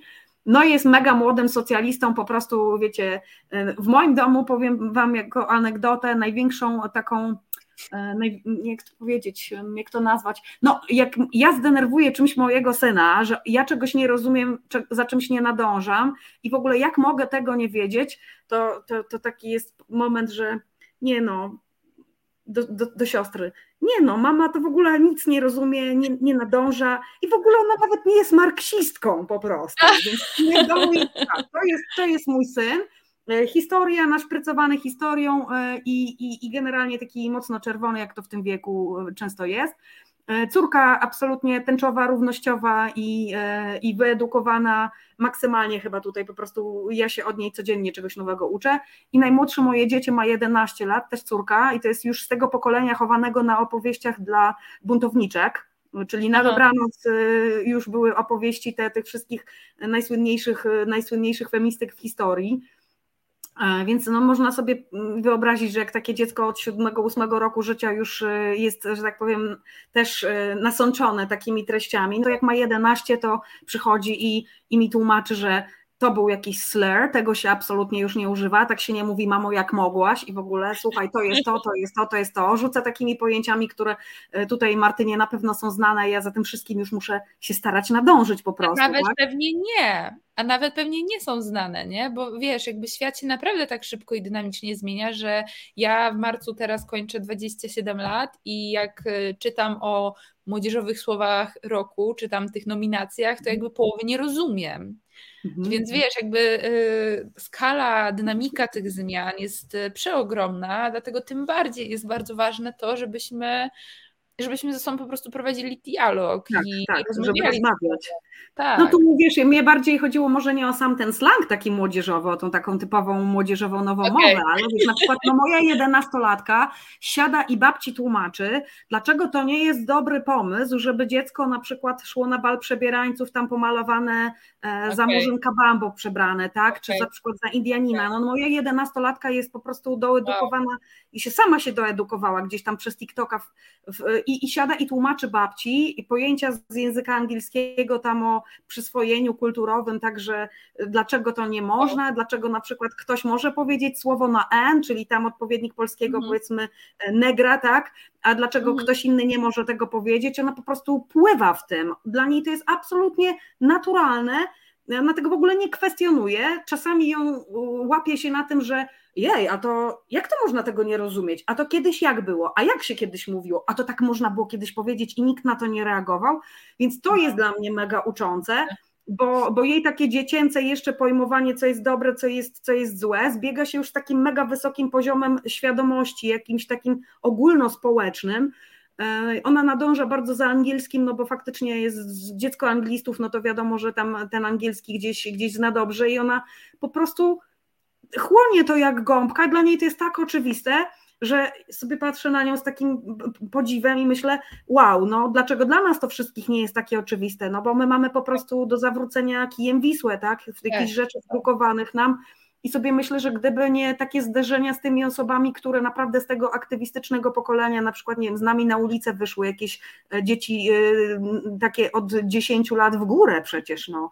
Tak e, w 2020. No teraz to są już gdzieś młodzież, taki, młodzież taka licealna, no to to jest w ogóle świadomość taka, że siadają sobie z niektórymi profesorkami naszymi tutaj z genderu i dyskutują po prostu może nie, nie w tych kwestiach takich akademickich, ale jeśli chodzi o takie typowo rzeczy związane z kulturą, no to siadają tak. jak równy z równym do rozmowy. I to jest piękne moim zdaniem. Jest, jest, bo nawet teraz sobie tak przypomniałam, że co no liceum kończyłam, zaczynałam liceum 10 lat temu i na przykład y, na, na chłopaka orientacji homoseksualnej mówiło się słowem na P. Tak. A dzisiaj jakby podejrzewam, że właśnie biorąc pod uwagę to, co mówisz, jest to absolutnie nieakceptowalne e, w tym pokoleniu, więc... No, w, e, środow- w, pewnych środowiskach tak, tak. tak, tych takich bym powiedziała prawacko-konserwatywno-naziolskich, ale tak. ogólnie już nie. Naprawdę tak, dzieciaki no. takie, dzieciaki nawet nieaktywistyczne, e, tak. rozróżniają już takie rzeczy, że po prostu tak się nie mówi, że to jest nie okej. Okay. Naprawdę one błyskawicznie takie rzeczy łapią, i, I to tak na zasadzie czystego serca to łapią, jak ja to tak. mówię. Czyli po prostu one naturalnie czują, że pewne rzeczy są niesprawiedliwe i, i na tyle szybko dostają tą informację wspierającą, że tak, to nie jest ok, że one to po prostu sobie uwewnętrzniają i z zupełnie innego poziomu na to patrzą niż my, bo my gdzieś tam musimy po prostu tak. to intelektualnie weryfikować, e, a one zupełnie inne mają podejście dla nich to nie jest kwestia poglądu politycznego, nie? Tylko co tak, jest dobre, tak. dobra i zła po prostu, nie? I to jest niesamowite. Myślę, że to też jest, e, że w ogóle jakby bardzo duża odpowiedzialność, bo mają dostęp też do tej wiedzy, nie? Bardzo duża odpowiedzialność na tym młodym pokoleniu, bo jest też bardzo dużo rzeczy do naprawienia, między innymi też właśnie, czy młodzieżowe strajki klimatyczne, tak? Um, ale poczułam się staro teraz. Nie tam. No. No co ty, proszę, proszę, naprawdę. No, śmieję, no, się poczułaś staro, no to co ja tutaj, piernikowa babka. Ale, ale jak będę, będę w Szczecinie, to zrobię chyba sobie wycieczkę do liceum swojego. Dobry pomysł, zawsze, zawsze. Z no. tym bardziej, że ty już możesz wejść i po prostu, tak jak dzisiaj tutaj ten życiorys gdzieś tam e, opowiadasz, no to, to też pokazać to e, tym młodszym, że e, mogą. I chłopcy, i dziewczyny mogą, mogą zmieniać, mogą robić rzeczy, absolutnie trzeba zachęcać do tego, żeby, żeby młodzież się nie bała e, mówić o tym, co ich boli. E, no dla mnie te strajki klimatyczne z młodzieżą rzecz po prostu absolutnie fenomenalna. Dzisiaj e, z racji tego, że ja prowadzę naszego strajkowego Instagrama, wrzucałam zdjęcia z Warszawy. Mhm. Być może część z Państwa gdzieś tam w natłoku tych wszystkich wojennych ukraińskich informacji to przegapiła, więc tylko dopowiem, że dzisiaj o 12 w samo południe na krakowskim przedmieściu e, wystartował duży marsz, duży protest e, spod budynku Uniwerku. No właśnie te, te piątki dla przyszłości, e, strajk klimatyczny, wsparty przez w zasadzie wszystkie chyba organizacje aktywistyczne w Polsce. Był strajk kobiet, oczywiście, była wolna szkoła, E, był protest z wykrzyknikiem. Była dzisiaj też, był dzisiaj też e, Euromajdan, bo ten protest dzisiejszy e, był też o tym, żeby nie było już więcej wojny, że stop wojną, tak? Nie chcemy już nigdy więcej wojny. I, I naprawdę wyszła młodzież piękna, kolorowa, świadoma, absolutnie popatrzyłam, jakie mieli transparenty, popatrzyłam, jak byli zorganizowani i serce rośnie po prostu, jak się na to patrzy. E, bo, e, bo ta młodzież się już po prostu aktywistyczna wszystkiego nauczyła na ulicy e, w 2020 roku. I, tak. I teraz oni wychodzą i oni się naprawdę sami tak fenomenalnie, fenomenalnie organizują, że my już im nie jesteśmy potrzebni i potrzebne z tego starszego pokolenia. Oni po prostu idą i robią już swoje protesty, nie oglądając się na nikogo. I jeszcze takie mam też jakieś spostrzeżenie, że to starsze pokolenie, nawet jak my wychodzimy ze strajku, już bywało grubo, przecież wiadomo, bo i y, tam wypierdalać leciało pod różnymi adresami i przełamałyśmy te różne takie bariery, y, które wcześniej miałyśmy i takie różne ograniczenia, no to jednak nie mamy w sobie takiego, myślę, poza jakimiś jednostkami, y, nie mamy w sobie czegoś takiego, nie wiem jak to nawet nazwać, takiego jak to mówi młodzież, takiej wyjebki po prostu, żeby mhm. iść i pod każdym, absolutnie każdym budynkiem, czy to będzie parlament, czy to będzie Sejm na Wiejskiej, czy to będzie, nie wiem, pałac prezydencki, czy to będzie, nie wiem, posterunek e, jakiejś policji w małym mieście, czy to będzie komenda główna policji, oni mhm. po prostu idą absolutnie pod każdy sąd, pod każdy jakiś tam ambasadę Rosji, tak? Idą i mówią, co mają do powiedzenia, robią zadymę, jakby się im powiedziało, że wchodzimy, to wchodzą po prostu. Tak. Także jest zupełnie inna moc w nich, nie ma tych takich zahamowań, jakichś, że no, no dobra, tu się buntujemy, ale to tak wszystko jednak w jakichś granicach przyzwoitości, tego co wypada, tego co nie wypada. No ogromna siła jest w tej młodzieży ale też jak sobie myślę o tym, jak się do tej młodzieży aktywistycznej podchodzi, no to zaraz mi się Greta przypomina, prawda? Mhm. No i, i właśnie kolejne takie nawiązanie do tego, o czym my mówiłyśmy jeszcze chwilę wcześniej, jak się traktuje jak się traktuje po prostu dziewczynę, która wychodzi i, i, i chce coś, coś powiedzieć ważnego, no ale tak, jest dziewczyną, jest jakaś tam jeszcze inna na przykład, wszystko to po prostu gra rolę. Jest zbyt nieśmiała, ale jak, a jak zacznie krzyczeć, jak zacznie mówić e, rzeczy w sposób pewny siebie, to jest zbyt pewna siebie. E, tak. Też e, z Gretą zaobserwowałam takie, takie mam spostrzeżenie, że Greta była, była fajna do pewnego momentu. No. Potem nagle zaczęła wszystkim przeszkadzać, zaczęło, zaczęli, zaczęły się, zaczą, zaczęto szukać co w Grecie jest nie tak. Um, czyli na przykład to, że tam chyba było jakieś, była sytuacja, że została przyłapana tak na tym, że zjadła coś z plastiku na jakiejś konferencji. Jakby zaczęto po prostu szukać takich absurdalnych rzeczy, które miały na celu podważenie jej osoby po prostu e, i jej kompetencji w tym, co zbudowała do tego momentu. E, I myślę, że, że gdyby Greta była Gretem, to to nie byłoby takiej sytuacji. Nam, nam no. Jest, tak. Tak, tak ja jestem pewna też, że absolutnie gdyby to był aktywista płci męskiej, to w ogóle nie byłoby tematu i każda tak. jakaś tam taka drobna wpadka byłaby wytłumaczona natychmiast, tak. rozgrzeszona, puszczona w niepamięć, natomiast no, jest to kolejny case takich tych podwójnych standardów, tak. że kobieta w polityce czy kobieta w aktywizmie musi po prostu być absolutnie trzy razy lepsza niż każdy jeden, każdy jeden przeciętny facet, który się tym samym za, y, zajmuje i musi być absolutnie bez zarzutu. Tak, nieskazitelna, nieskazi, absolutnie mhm. nieskazitelna.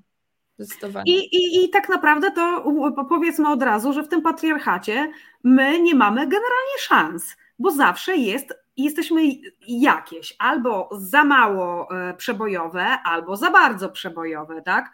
Jak, e, jak nie pokazujemy tych emocji, no to zimna suka, tak. E, jak pokazujemy te emocje, no to histeryczka, tak? tak. Nie mamy szansy być okej okay po prostu tak naprawdę. Ładna niedobrze, nieładna, nieatrakcyjna w takim sensie stereotypowych oczekiwań męskich, też niedobrze, tak? Dba o siebie niedobrze, nie dba o siebie niedobrze, makijaż niedobrze, bez makijażu niedobrze. No nie mamy szansy po prostu być e, e, przyjęte z tym, jakie jesteśmy, bo zawsze jest coś, co można nam wytknąć. I to w zasadzie tylko po to, żeby nas sprowadzić gdzieś tam do poziomu. Tak, myślę, że zgadzam się z tobą, to co szczególnie mnie gdzieś tam e, też boli, jak już też uświadomiłam sobie z tego uświadomiłam sobie to, że tak naprawdę to my kobiety sobie często nawzajem to robimy, bardzo tak. często, tak? Um, to się zaczyna już e, w bardzo, w bardzo młodym wieku E, nie wiem, czy też tak miałaś w szkole, ale ja byłam też jedną z tych e, dziewczyn, które mówiło, że o, ja się trzymam z chłopakami, bo chłopacy się tak nie kłócą cały czas i nie plotkują. E, mhm. I było takie, były takie osoby, które ja się trzymam tylko z chłopakami. E, potem, e, potem był ten cały takie, tak, jest takie całe zjawisko, ja nie jestem jak inne dziewczyny, e, ja nie jestem jak inne dziewczyny, ja nie chodzę każd na każdą przerwę do toalety poprawiać błyszczyk, Mhm. Czy ja nie jestem jak inne dziewczyny i e, nie wiem, jakby nie, nie udaję na WF-ie, że nie mogę ćwiczyć i, i wszelkie, wszelkie takie teksty. E, I to tak naprawdę się przynosi na nasze dorosłe życie, kiedy jakby nie bez powodu mamy powiedzenia takie jak kobieta kobiecie wilkiem. E, nie bez powodu widzimy często, że kobiety podkładają sobie na, nawzajem kłody pod nogi, bo to się ciągnie, to jakby ten patriarchat w nas, no my, my go wypiłyśmy z mlekiem matki, no po prostu, jakby, bo ten system jest, ten system istnieje e, i, i na tym systemie stoi dzisiejszy świat.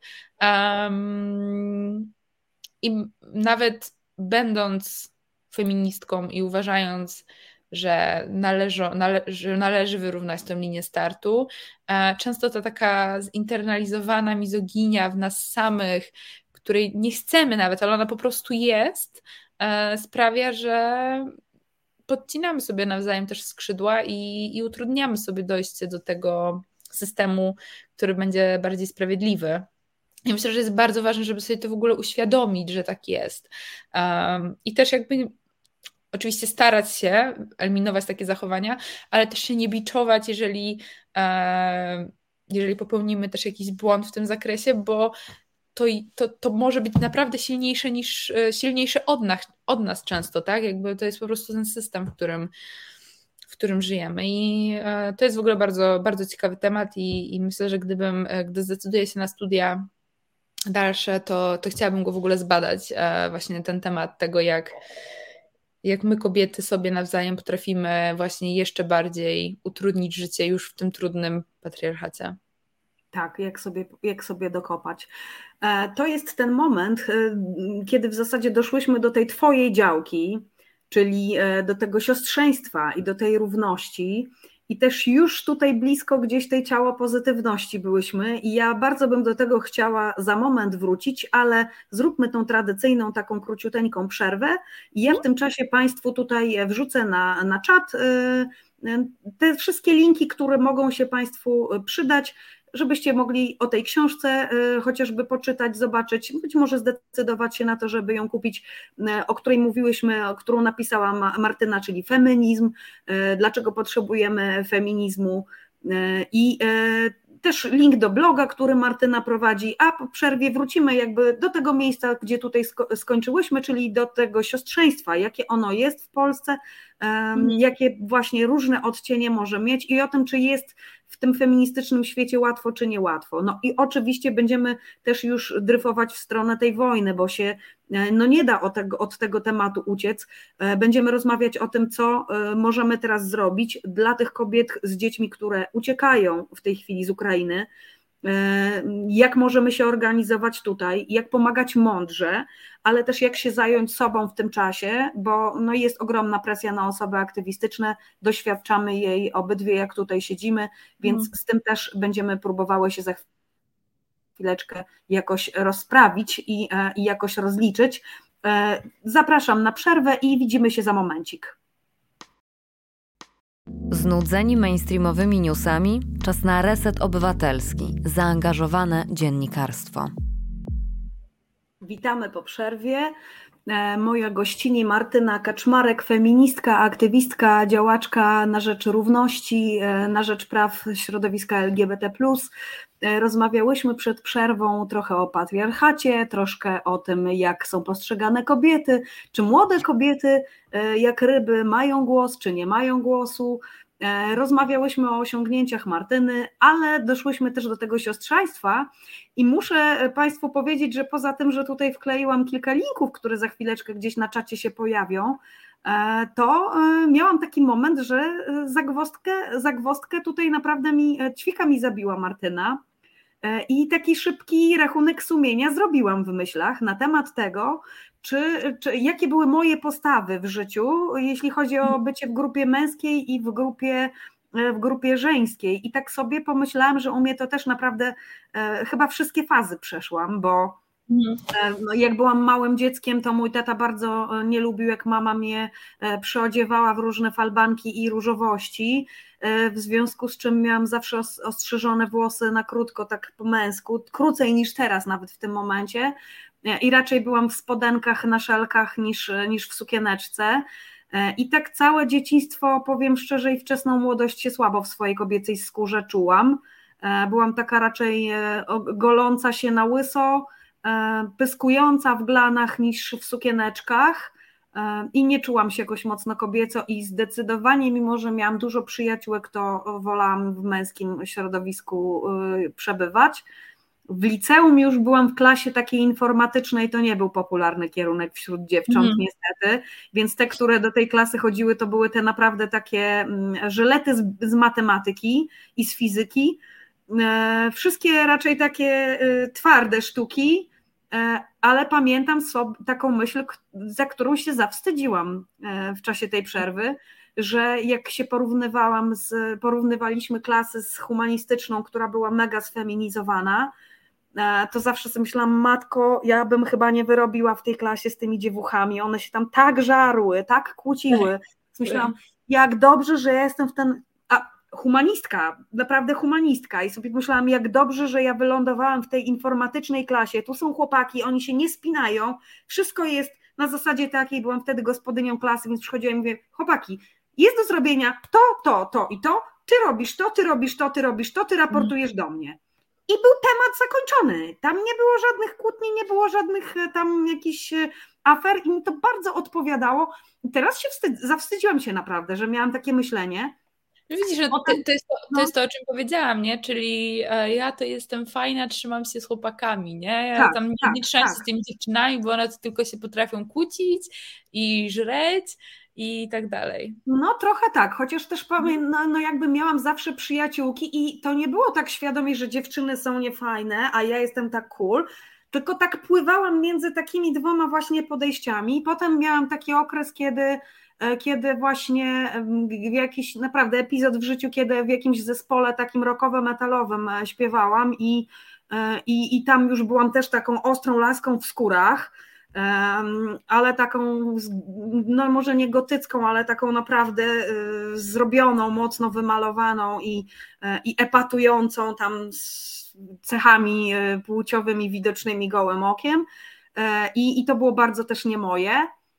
I tak naprawdę dopiero sobie teraz pomyślałam, że jak mi się rozpadło małżeństwo i zostałam mhm. sama, i się tak trochę podbudowałam na nowo wśród kobiet właśnie, w grupie kobiecej wsparcia jako już świadoma, taka e, po, życia świadoma e, po trzydziestce osoba, e, pojeździłam po kongresach, pojeździłam po protestach, po manifach, po paradach równości, po jakichś wyjazdach takich babskich, które miały być babskimi pogaduchami, a okazało się, że to była kuźnica feminizmu po prostu, jakaś i aktywizmu.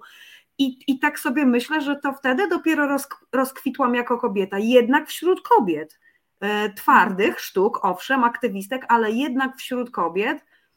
E, I potem znowu okres zawstydzający teraz dla mnie z perspektywy czasu, bo Państwo, jak mnie znają, to widzą mnie za każdym razem w jakimś golfiku, sweterku z tymi krótkimi włosami, no make-up to jest jakby już moja faza post 2020 po różnych takich sytuacjach, kiedy ja po prostu mega długie włosy obcięłam, bo się z gazu słabo myję, długie włosy. E, I to taki jakiś bunt po prostu jest chyba dalej trochę.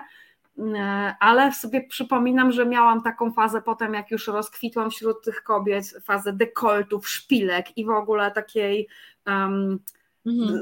Fazę takiej seksbomby, to w ogóle aż trudno mi w tym momencie e, sobie do tego jakoś wrócić, co ja wtedy miałam w głowie, ale jakoś tak chyba musiałam się w tej kobiecości dojrzałej odnaleźć. I, e, I taki e, wtedy nurt, bym powiedziała, mi pociągał kalinowo, jędrusikowo, Merlin Monroe'owy, tak, o tak, tak bym to nazwała w skrócie. I też jakoś z tego potem gdzieś szybko odeszłam, bo to bo to znowu wywołało jakąś reakcję, tak? Y, pani po mhm. rozwodzie, świeżo, no to wiadomo, że szaleje, tak? tak, tak. I, i, I od razu jak kobieta świadoma gdzieś swojego ciała, swojej seksualności, swojej atrakcyjności, no to trzeba ją tam e, szybko e, zrównać. A że jeszcze panowie policjanci na ulicy dopomogli, e, zrobili swoje, gdzieś tam szargając, ciągnąc mnie po bruku i czy tam sprayując mnie, mnie gazem, no to mhm. gdzieś, gdzieś znowu dobrnęłam do takiego momentu, że już mnie to w ogóle nie interesuje jakby na ten moment to, to zewnętrze całe, tylko się skupiłam po prostu absolutnie na działalności i na takim wzbogacaniu się od, od, od środka, na samorozwoju znowu. I sobie myślę, że, że ja jeszcze tak naprawdę, zobacz, to, to co, co teraz we mnie wywołałaś taką refleksję, że ja jeszcze nie znalazłam tego swojego miejsca, bo już mam świadomość teraz rozmawiając z Tobą, że to jest jakaś kolejna faza z odbicia. Właśnie dlatego, że gdzieś że gdzieś y, no po prostu zweryfikowało mnie życie, zweryfikowała mnie ulica w tej kobiecości. Trudno się robi protest i trudno się krzyczy y, brzydkie słowa i, i, i, i, i szarpie z policją w tej swojej pełni kobiecości, tak?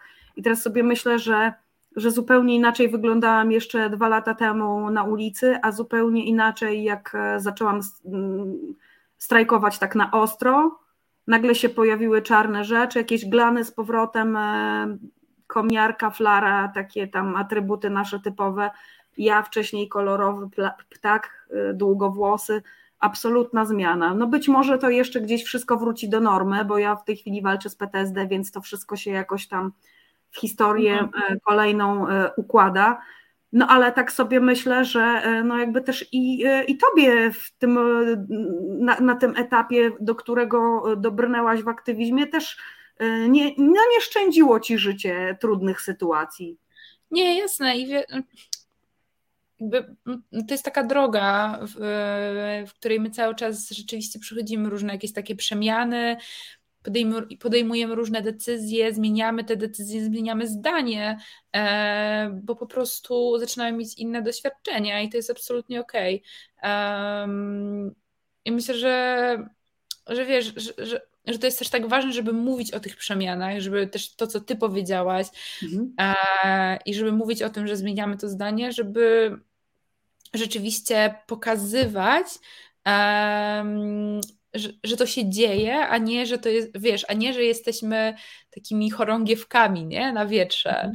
e, tak, i że tak. podejmujemy, że, że nie wiemy tak naprawdę, co robimy, e, i nie jesteśmy pewne swoich decyzji, nie wiemy, czego chcemy, tak? Bo to często jest potem sprowadzane rzeczywiście do takich, um, niestety, e, do takich, do takich e, opinii, do takich określeń, a, a to jest tak naprawdę po prostu życie, mówiąc tak, bardzo tak. banalnie. Um, to jest po prostu życie, ale to jest też życie w zgodzie właśnie ze swoimi tymi wartościami i w zgodzie z tym, um, co chcemy w tym swoim życiu robić, nie? Bo mogłybyśmy po prostu e, też jako aktywistki, jako działaczki zacisnąć zęby i powiedzieć, że, że nie, okej, okay, jakby powiedziałam sobie dwa miesiące temu, że będę taka i taka, będę zachowywać się tak i tak, to nawet jeżeli coś mi absolutnie nie odpowiada, nawet jeżeli cierpię, to i tak będę to robić. Nie, jakby mamy też prawo do tego, żeby w tym aktywizmie i w swojej działalności zachowywać też e, swoje zdrowie psychiczne, fizyczne, e, dbać o siebie, e, zakładać maskę najpierw sobie, potem osobie obok nas, bo bez tego to nie, to nie, jest, to, to nie jest sposób na życie też. W sensie to, nie, to, to nigdy nie będzie długofalowe. I to jest też mhm. coś, czego ja się mimo gdzieś tam młodego wieku nauczyłam.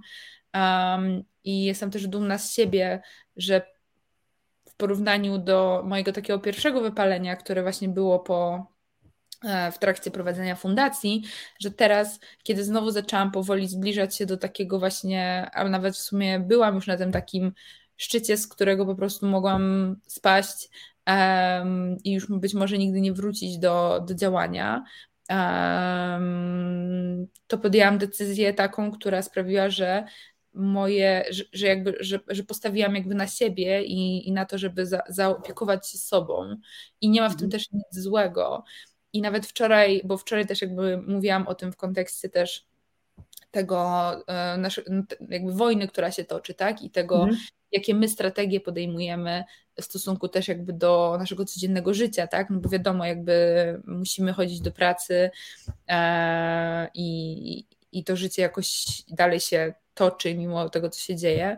Um, I zadałam w ogóle ludziom pytanie, e, czy oni też się zdziwili, jak pierwszy raz usłyszeli, że jak siedzimy w samolocie, to mhm. najpierw nakładamy maskę sobie, a potem dziecku czy osobie obok, bo ja byłam zdziwiona, jak pierwszy raz mhm. to usłyszałam, tak. jako ta, nie, nie wiem, tam nastolatka, jak leciałam pierwszy raz samolotem. I ja byłam zdziwiona, jak myślałam, kurde, dlaczego, nie? W sensie, no najpierw, najpierw o sobie obok, nie? Um, I dopiero w sumie po paru latach działania zrozumiałam dlaczego. E, bo moje kolejne wypalenie, mm, które będzie trwało kilka lat, nie jest wcale efektywne w porównaniu do tych kilku lat, które mogę spełnić działając na przykład na 10 czy 15%, jeżeli tylko na tyle mogę sobie pozwolić w danym mhm. momencie. Um, tak. Tak. Nie wiem, czy to ma sens. Nie, tak, tak, tak, tak. I, I, w zasadzie od razu płynnie tak przeszłaś, przeszłaś do tego, co miałam Cię pytać za chwileczkę, czyli o to, o to co my możemy teraz zrobić e, mhm. dla siebie, w tym okresie, kiedy nas bombardują właśnie te, te, te wiadomości dotyczące wojny na Ukrainie, kiedy jesteśmy cały czas w takim permanentnym e, poczuciu zagrożenia i z jednej strony jest to normalne życie, że musimy właśnie iść do pracy, do szkoły, nie wiem, dalej musimy sprzątać sobie w toaletach, e, psa wyprowadzać, robić zakupy, a z drugiej strony cały czas jest ta świadomość, że nic nie jest normalnie. Już i pandemia, i teraz ta wojna, no nic nie jest normalnie, tak jak kiedyś było, tak? I, jak w tym wszystkim zachować taki balans i, i jak to zrobić, żeby jednocześnie siebie zachować, ale też coś siebie dać, bo przecież tym ludziom faktycznie trzeba pomóc. A my taką trochę mamy wszyscy w aktywizmie wewnętrzną presję, że jak się dzieje, no to na tym wzmożeniu my musimy po prostu no, flaki z siebie dosłownie wypróć, dać z siebie wszystko 200%, niezależnie od kosztów. Wiesz co, y, też właśnie tak dużo o tym myślałam, bo ja, tak jak powiedziałam wcześniej, zaczęłam nową pracę 1 marca dwa dni temu, więc tak naprawdę moje ostatnie dwa dni są mhm. skupione na tym, że ja po prostu rzeczywiście mój fokus, e, moje skupienie i zaangażowanie poświęcam właśnie wdrażaniu się w moje, moją nową rolę. I po prostu zaczęłam nawet siebie łapać na tym, że za mało czasu spędzam na Twitterze patrząc na informacje na temat tego, co się dzieje. I potem zaczęłam sobie tak myśleć, kurczę, ale ja nic nie zmienię, czytając te informacje, że jakby już większy wpływ mam, wdrażając się w moją rolę, i, i jakby pracuj, robiąc, wykonując moją rolę w sposób efektywny, bo moja rola jakby prowadzi pośrednio gdzieś tam do tego, że nasza gospodarka dalej się rozwija. Tak. Um, a żeby pomagać, żeby móc kupić kolejne produkty, przelać kolejne pieniądze, e, na działania e, fundacji, organizacji aktywistów, aktywistek, potrzebujemy pieniędzy. Więc no niestety w takim systemie też kapitalistycznym żyjemy, e, w którym, w którym ich po prostu potrzebujemy, żeby móc kupować, e, kupować rzeczy, które są potrzebne do walki i do pomocy osobom uchodźczym. Więc stwierdziłam, że lepiej, że, że jakby ja, ja dalej, dalej jakby chodząc do pracy, mhm. Wykonując swoje, swoje, jakby swoje obowiązki, też pomagam w jakimś sensie. Że po prostu, wiesz, jakby nie zamykam się um, i nie stwierdzam, że nie, jakby to wszystko nie ma sensu i jakby, nie, jakby i, i nic nie robię. Mhm. E, tylko staram się rzeczywiście, no, e, poza gdzieś tam oczywiście też jakimiś działaniami takimi już bezpośrednio pomocowymi, e, to rzeczywiście przeciwstawić się też w taki sposób, że bo mam wrażenie, że, że, że próbuje się też nas, znaczy nawet nie wrażenie, to jest fakt, że próbuje się nas jako społeczeństwo totalnie też um, rozregulować, tak? Jakby te wszystkie fake newsy związane z cenami paliw, e, tak. czy z tym teraz, z tego co widziałam, że, że, że też jakiś był fake news e, wysłany na temat tego, że dla osób z Ukrainy paliwo za 2 złote, żeby w ogóle skłócić mm -hmm. nas, że oni mają tak, tak tanio. E, wszystko, jakby ta, ta wojna, która trwa w cyberprzestrzeni e, i w ogóle w społeczeństwie, ma na celu skłócenie nas, żeby też rozregulować działanie naszego społeczeństwa, żeby, żeby, naszą, e, żeby naszą gospodarkę, żeby nasze nastroje polityczne i, i w ogóle nasze morale też e, zderegulować. I jakby na, takim moim i też Państwa sposobem na to wszystko może być po prostu nie. Ja pójdę do mojej pracy, jakby powiem wszystkim dzień dobry, jakby, jakby będę do wszystkich odnosić się z szacunkiem, nie będę się z tymi ludźmi kłócić, będę współpracować z nimi po to, żeby wypracować jak najlepszy, czy tam wynik, czy, czy to, co, to, czym się zajmujemy, czy żeby obsłużyć jak najwięcej osób, e, czy tyle osób, jakby ile, ile potrzeba obsłużyć e, i zrobić po prostu to, jakby co mamy zrobić e, w taki sposób, żeby nie dać się e, jakby zastraszyć i nie dać się też jakby teraz rozregulować, bo o to też tak. w tym wszystkim chodzi. Nie dać się zwariować. Tak, no i mhm. im bardziej jakby nie, będziemy niestabilnym społeczeństwem, tym też jakby przeciwnik wygrywa z nami wtedy, nie? No i I w taki sposób, oczywiście poza wszystkimi pomocowymi rzeczami, które jestem pewna, że, że wszyscy z nas i, i Państwo starali się robić w ostatnich dniach mhm.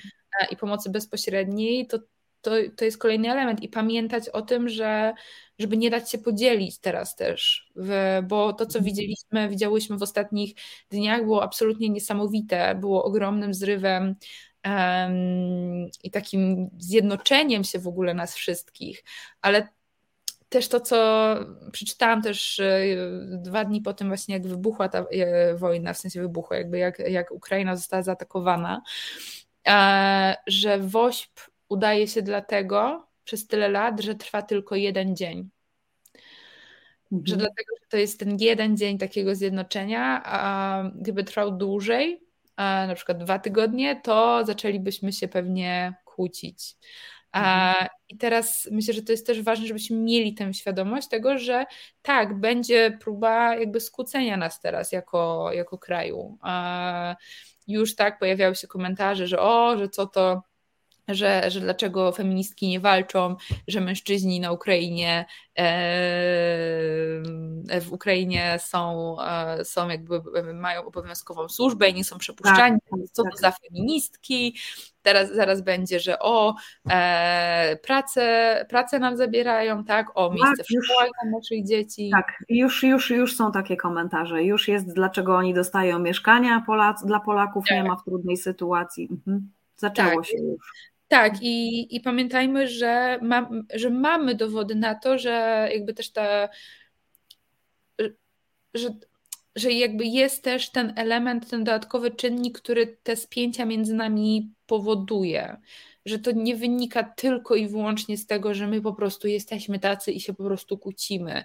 Jest ktoś, kto próbuje nas też skłócić i skutecznie tak. się udaje. E, żebyśmy nie tracili też wiary w to, że my po prostu jesteśmy tacy beznadziejni i po prostu nie potrafimy inaczej.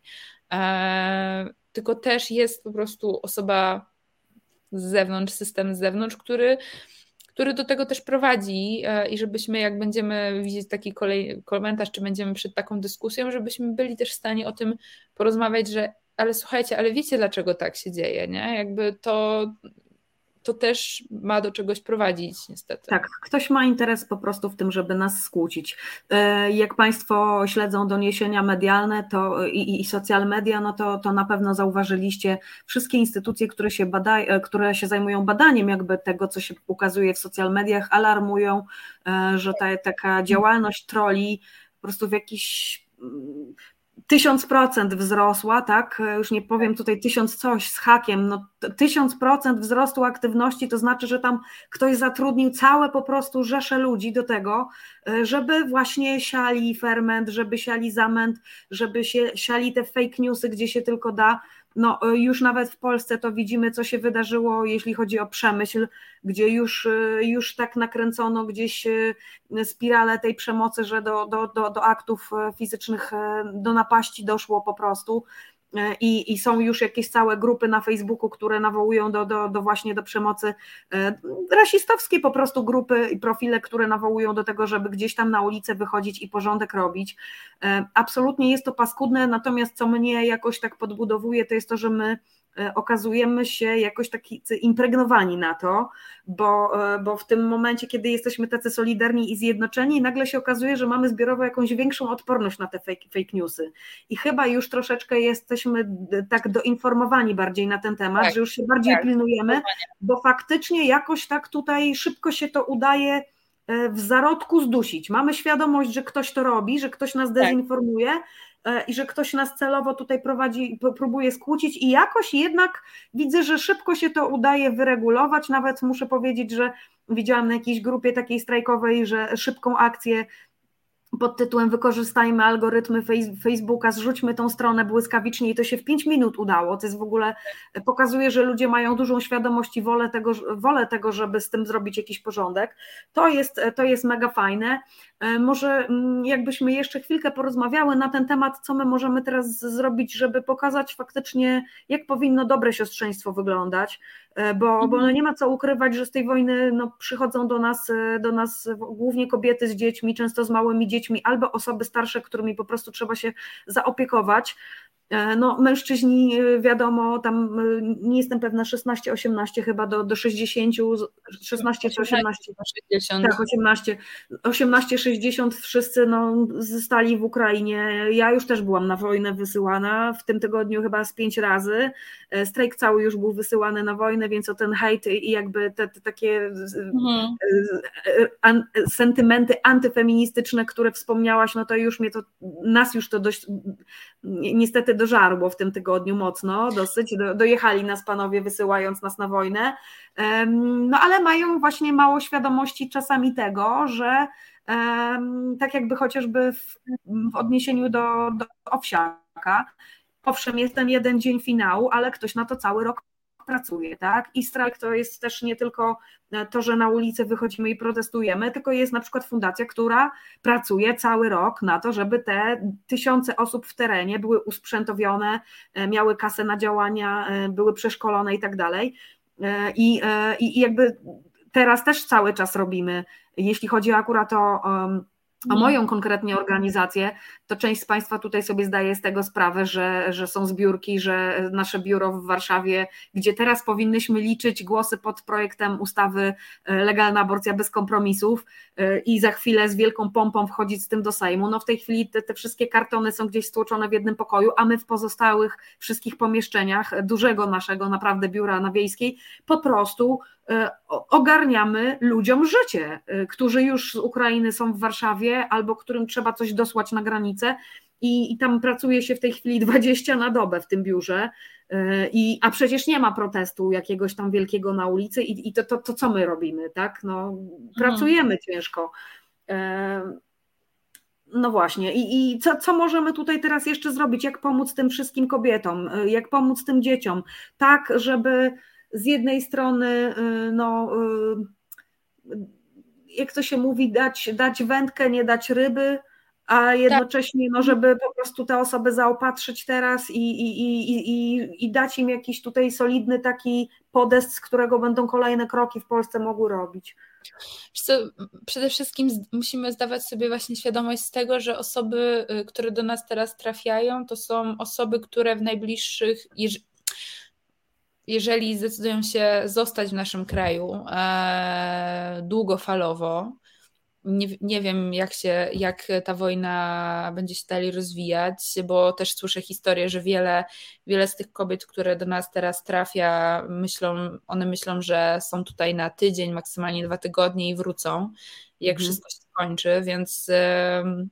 No ale zakładając scenariusz, że, że zostają u nas długofalowo na zawsze i tutaj układają sobie życie, to przede wszystkim musimy zdawać sobie sprawę z tego, że te kobiety to są osoby, które będą miały do wykonania ogromną pracę, zarówno taką zarobkową, jak i nieodpłatną naraz bo jeżeli wojna dalej będzie trwała, to będą to osoby, które będą odpowiedzialne naraz za utrzymanie swojej rodziny, swoich dzieci, jeżeli z tymi dziećmi tutaj trafiły.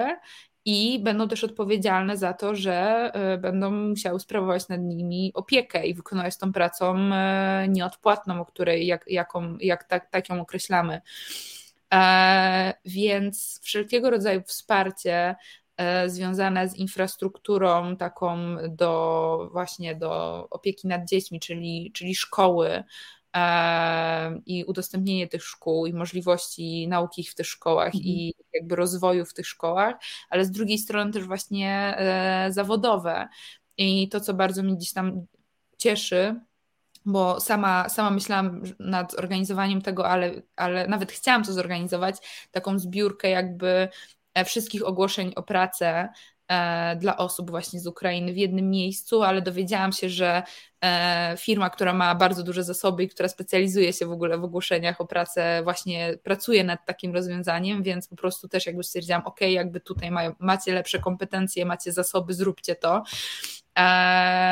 bo będziemy musieli, po prostu musiały znaleźć też, też pracę, pomóc znaleźć pracę dla tych osób i umożliwić też um, i be, być świadomym tego, że to są osoby, które będą tworzyły rodzinę, rodziny, w których jest tylko prawdopodobnie jeden rodzic, tak, w gospodarstwie domowym i będziemy musieli też stworzyć narzędzia, a przynajmniej widziałabym takie narzędzia, tak? E, jak pytasz mnie, co możemy zrobić, to narzędzia, które pomogą zachować tym osobom balans między pracą zarobkową, na utrzymanie się, a opieką nad dziećmi, tak? Tak. Bardziej, że to są wszystko osoby w kryzysie i one same tak, sobą też będą się musiały zaopiekować. Mhm. Więc szczerze, to jest ogromna feministyczna praca tutaj, bo mówimy o, przede wszystkim właśnie o, um, o nieodpłatnej pracy, o infrastrukturze, która wspiera w rodzicielstwie i w tym, żeby móc, e, móc rzeczywiście e, łączyć tą nieodpłatną pracę z pracą zarobkową, która w pewnym momencie podejrzewam, że też będzie niezbędna, niezbędna tak? No bo oczywiście my po, pomagamy e, i będziemy pomagać na tyle, na ile możemy, ale w pewnym momencie te osoby też będą musiały zacząć e, prawdopodobnie, chyba że nie wiem, chyba że, że Polska szuka jakiegoś innego sposobu, ale będą musiały też zacząć zarabiać pieniądze, tak. Mhm. Więc tak. E, bardzo duży temat związany właśnie z, e, z taką niezależnością właśnie ekonomiczną. Widzę też różne fajne inicjatywy, na przykład Hair Impact, udostępnia swoje ekspertki do, do tworzenia CV, do konsultowania swojego CV, do poszukiwania właśnie też pracy dla osób, które już zdecydowały się e, takiej pracy szukać w Polsce, bo też wiem, że, że takie osoby już są. No ale to, to, to, jest dla, to jest według mnie w ogóle jakaś transformacja, którą my potrzebujemy zrobić, bo musimy znaleźć ogrom miejsc e, i jakby rzeczywiście pomóc rodzinom, który, w których są tylko i będą tylko matki teraz. Tak, to prawda. No takie tradycyjne polskie rodziny, mama i babcia, tak? Mama i babcia, mama i ciocia, mama, jak to się czasami mama mówi. I tak. babcia mama i babcia. Tutaj jeszcze przewijam teraz szybciuteńko, bo, e, bo jest taki komentarz, który mi się przypomniał w czacie. E, liczę na rewolucję w, Rosji, na Białorusi, a w Polsce za, za sprawą wojny na Ukrainie. Walcząc o życie obywateli Ukrainy równolegle możemy zrobić coś więcej, może oświecenie dotrze w tą część świata. I tutaj um, zgodziły się kolejne osoby, że być może właśnie ten kryzys związany z uchodźstwem z Ukrainy sprawi, że my się tutaj też naprawimy jako społeczeństwo obywatelskie, e, no bo wiadomo, że te ostatnie lata rządów PiSu skłóciły nas maksymalnie, mhm. Raz w roku nas faktycznie ten owsiak i ta wielka orkiestra gdzieś tam scala na moment, mhm. E, no ale teraz mamy coś, co potrwa zapewne dłużej e, niż szał wielkiego finału, więc jest szansa, że teraz jak się oddolnie znowu zbudujemy, po prostu przy robocie, przy pomaganiu, to coś z tego więcej zostanie. Ja tutaj się z Państwem absolutnie łączę w tych, w tych takich nadziejach, E, że to zbuduje nas na nowo jako społeczeństwo obywatelskie. Mam nadzieję, że tak będzie. E, póki co szał trwa E, I to jest też taki moment, żeby o tym wspomnieć, że e, ta, ta, metafora, którą ty też na swoich mediach społecznościowych już, już pokazywałaś, że to nie będzie sprint, tak? My się musimy nie, nastawiać na maraton. Oczywiście. I to nawet, nawet, nawet, nawet chodzi właśnie o zmiany zakładając nawet, że jutro wojna by się skończyła, to i tak są nieodwracalne zmiany po prostu w geopolityce i, i w ogóle jakby też w naszych głowach, które będą do przepracowania. E, więc zdecydowanie mamy przed sobą długi proces i od nas w sumie zależy to, jak on się skończy. I miejmy nadzieję, że rzeczywiście wykorzystamy go do tego, żeby się bardziej zjednoczyć jako społeczeństwo. Tak, myślę, że i że tutaj te, te, te, te jakby skala tej pomocy, skala reakcji pokazuje, że coraz mniej jest takich osób w Polsce, a były takie postawy w ciągu tych ostatnich lat właśnie zapisu, żeby się zamknąć w swojej banietce, takiej banietce przywileju trochę i dobrobytu, że jak nas bezpośrednio coś nie dotyczy, jeszcze nam do domu nie wchodzi, bo na przykład e, no nie jesteśmy w żaden sposób, e, nie, nie reprezentujemy jakiejś mniejszości, która jest w opresji, no to jakoś nam się jeszcze udaje w tym swoim przywileju, jak w bańce po prostu zamknąć i udawać, że tego świata wokół i tych problemów nie ma. No ale w tym momencie to już, już się tak po prostu długo nie da, bo faktycznie ta mhm. wojna wchodzi nam do, do domu. Najpierw pandemia weszła nam do domu drzwiami i oknami, potem e, wojna nam weszła do domu drzwiami i oknami. No nie da się przed tym uciec, więc tak jak powiedziałaś, będzie trzeba się z tym zmierzyć. Nawet osoby, które wcześniej, powiedzmy rok jeszcze temu, e, za wiele na temat e, sytuacji tej geopolitycznej, o której mówisz, związanej z zmianami klimatycznymi, że te, te, te grupy będą po prostu uchodzić z różnych miejsc, żeby się już tego tak. nazewnictwa trzymać. Ludzie będą po prostu się przemieszczać ze względu na klimat i trzeba będzie się, się jakby z tym jakoś zmierzyć, że że będą inaczej, e, inaczej ta ludność będzie po prostu się rozkładała teraz na te miejsca, które, które będą po prostu lepsze do życia ze względu na tak. przykład na wodę, tak, czy na temperaturę, no trzeba będzie się z tym zmierzyć. Wydaje mi się, że na tym etapie to już chyba wszyscy wiedzą, że i z tym klimatem trzeba będzie po prostu zawalczyć i, o, i, i, i, i uchodźcami wreszcie się jakoś systemowo zająć. E, I, I potem jakby tym, tym, że mamy na przykład dużo więcej osób nagle w kraju i, i jest system do zmiany, bo świadczenia, bo praca, bo wszystko, no to efekt domina już jest, jak, jak runie to wszystko, tak, i wszystko trzeba będzie na nowo przebudowywać. No, mam nadzieję, że to już jest ten etap, kiedy wszystkim trochę łuski z oczu spadły i te, te wszystkie bąbelki, jakieś już takie banieczki zostały poprzekuwane i teraz no to jest fajny moment, bo jak już jest to dno takie, chodzi w sensie mi o świadomość, że jak już jesteśmy na tym dnie, już wiemy, że dobra, jest katastrofa trzeba z tym coś robić, no to, to już może być tylko lepiej, tak? No, to co powiedziała, piękną rzecz powiedziała Ochojska, tak? Jakby jedno, tak. jedno zdanie, żeby móc pomóc, musi, musi, musimy coś stracić. I tu nie chodzi teraz o stratę, nie wiem, dachu nad głową, bo już się pojawiają też takie komentarze, że przyjdą, jakby zrobią rozróbę, to już tak, tak. pomijam. E, czy nawet utratę pracy. Tu chodzi po prostu o utratę nawet jakby poczucia bez poczucia stabilności, bo w dzisiejszych czasach już nic tak naprawdę przynajmniej aktual, aktualnej sytuacji nic nie możemy brać za pewnik i nic nie możemy brać za, za stabilne.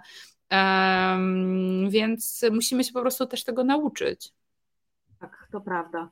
No, duży, duże wyzwanie przed nami. Jak na razie mam takie wrażenie, że w krótkiej perspektywie czasowej zdajemy ten egzamin w Polsce, bo nawet te rzeczy, które, które się dzieją, jakieś niefajne przy okazji, no bo wiadomo, że trochę tych rasistowskich e, incydentów było na granicy i nie ma co się oszukiwać, że one były tylko po tej stronie ukraińskiej. Powiem Państwu, że do nas no, przez te social media do strajku dociera masa informacji na ten temat. Ja sama, e, ponieważ odbieram akurat na Instagramie wszystkie w tym momencie wiadomości, no to, to, to jest e, filmików cała masa pokazujących też, że no i po tej, po tej polskiej stronie były różne niefajne sytuacje, że na przykład przyjeżdżali kierowcy odebrać te osoby z granicy, no i brali wszystkich, ale nie wszystkich białych, tak? Mhm. Więc e, no ale po tej, to, co, to, co jakby poszło w świat, weter dotyczy zdecydowanie tam od strony ukraińskiej, że to tam była jakaś selekcja. E, niektóre osoby już w kolejkach, no po prostu osoby z Ukrainy e, gdzieś tam nie dopuszczały między sobą. Wiadomo, w każdym społeczeństwie są jakieś osoby, które są, są po prostu rasistami, więc tam też wśród tych osób jakieś tam osoby się trafiły, które gdzieś uznały, że oni jako biali mają prawo tu piersi wsiąść do pociągu do Polski. Mhm. Byli jacyś strażnicy, którzy też na granicy różnie się zachowywali. No, nie mówię, że większość, bo to chodzi o jakieś incydenty. No, te incydenty faktycznie poszły w eter, więc gdzieś tam w tej chwili już no, jakieś, jakaś opinia poszła. Natomiast nie ma się co oszukiwać, że po polskiej stronie też różne rzeczy się działy, niefajne i, e, i organizacje różne prawnoczłowiecze interweniowały też po polskiej stronie. E, tak jak mówię, były to incydenty, na to, tak, nie skupiajmy się na tym, my na przykład nie informujemy na ten temat, nie, jakby nie, nie nakręcamy tego, natomiast tak, wspieramy te działania wszystkie, które są te akcje, kampanie, które są nakierowane na to, żeby pokazać, że wszystkim po prostu, wszystkim e, trzeba pomagać. Tak. E, absolutnie. E, to lepiej zawsze jest tą pozytywną, taką, tak. ten pozytywny przekaz wysyłać, niż się skupiać, tak jak tutaj właśnie w czasie się pojawia, żeby nie robić roboty Putinowi. Lepiej się pokazać od strony pozytywnej, że zadbajmy o to, żeby wszyscy się dostali i żeby nie było tam, żeby Plus było fajnie tak? edukować po e, prostu. Tak, niż, niż jakby tutaj e, te incydenty gdzieś rozdmuchiwać. Natomiast no duża będzie rzecz jeszcze przed nami do, do przerobienia, bo e, no, za chwileczkę jak ten szał trochę pomagania opadnie, a wiadomo, że opadnie, bo to, to jest ze wszystkim tak, że jest potem mhm. zmęczenie materiału, jest trochę przesyt tematem. Myśmy tego przy protestach doświadczyły, że w pewnym momencie ludzie już po prostu mieli dość i tej aborcji, i tego protestowania, i tego trybunału, już chcieli trochę po prostu psychicznie od tego odpocząć. I tak jest zawsze, tak jest z klimatem. Mm, był taki moment przecież e, lata, dobra, no to teraz, teraz, teraz to wyjdzie właśnie, że te lata 90., tak. kiedy jak się zaczęło mówić o tym klimacie, o tej dziurze ozonowej, no to 10 lat po prostu było takiego ciśnięcia tego tematu, że potem wszyscy mieli już tego dość i naprawdę był taki odwrót, że już, już ludzie nie chcieli o tym słuchać, tak?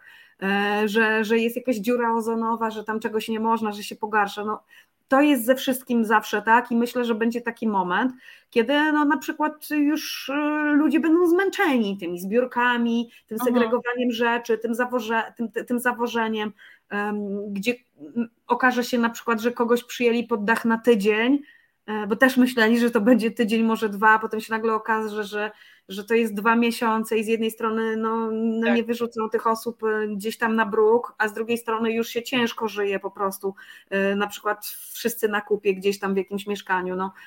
Y, absolutnie mega wyzwanie przed nami. Myślę, że to jest Duży no nie chciałabym tutaj wartościować, ale no jest, to, jest to porównywalne wyzwanie, e, jeśli chodzi o tą skalę komplikacji do, do, do tego, co w pandemii też się działo, tak? Zupełnie inna jakby płaszczyzna, ale no jest to równie, równie tak. ciężki temat e, do, I mocno, do ugryzienia. Mocno, mocno systemowe, tak? Bo tak jak powiedziałaś, co załóżmy, co za te dwa tygodnie, e, kiedy będzie trzeba zacząć szukać dla tych osób tak. takiego stałego miejsca pod tytułem nie na kanapie u kogoś w mieszkaniu, bo każdy też ma prawo do, do, do tego, do jakiejś takiej swojej też prywatności, tak, i, i tak dalej. Oczywiście, Więc że tak. Ogromne, mhm. ogromne systemowe wyzwanie przed nami.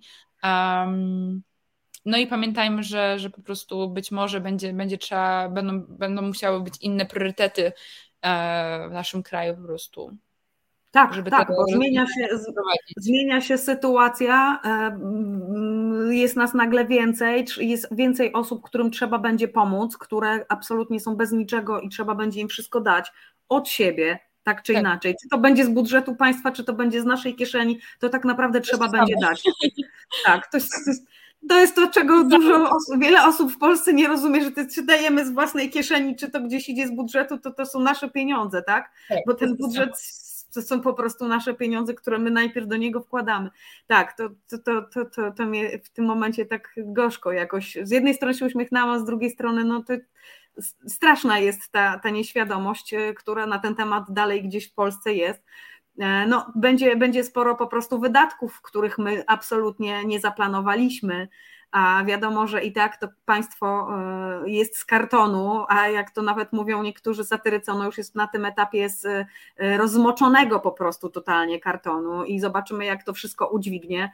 E, rozwaliło mnie, powiem, w ostatnich dniach kompletnie stwierdzenie ministra Dworczyka, jak to sobie państwo świetnie, wspaniale radzi po prostu z tymi wyzwaniami, bo przecież wszyscy, jak tutaj jesteśmy razem dzisiaj na kanale, na programie, no to wszyscy wiemy, że tak naprawdę całą robotę w tym kraju to dźwigają NGOsy właśnie, te organizacje wszelkiego rodzaju, czy to charytatywne, tak jak Wielka Orkiestra, czy to, czy to jakieś prawno-człowiecze organizacje, no, mm, stowarzyszenia, fundacje, tak naprawdę to one wykonują tą robotę i teraz z osobami dobrej woli, o dobrych, otwartych sercach i z chęcią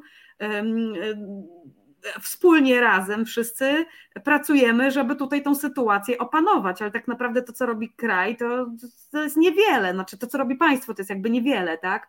W porównaniu do tego, co my robimy jako obywatele. Jak zwykle, tak, jak zwykle, dokładnie. Gdyby, gdyby, gdyby w weekend y, zaraz po, po, po, po, po ataku Rosji e, mhm. na Ukrainę nie, jakby nie było tych NGO-sów i wolontariuszy na granicy, to ja nie wiem, co by tam było. Armagedon jakiś. No, Armagedon, dokładnie. I to jest naprawdę mm, budujące w tym wszystkim, że myśmy się tak błyskawicznie potrafili zorganizować. Tak. Czego myślę, że jeszcze e, pięć lat temu by nie było.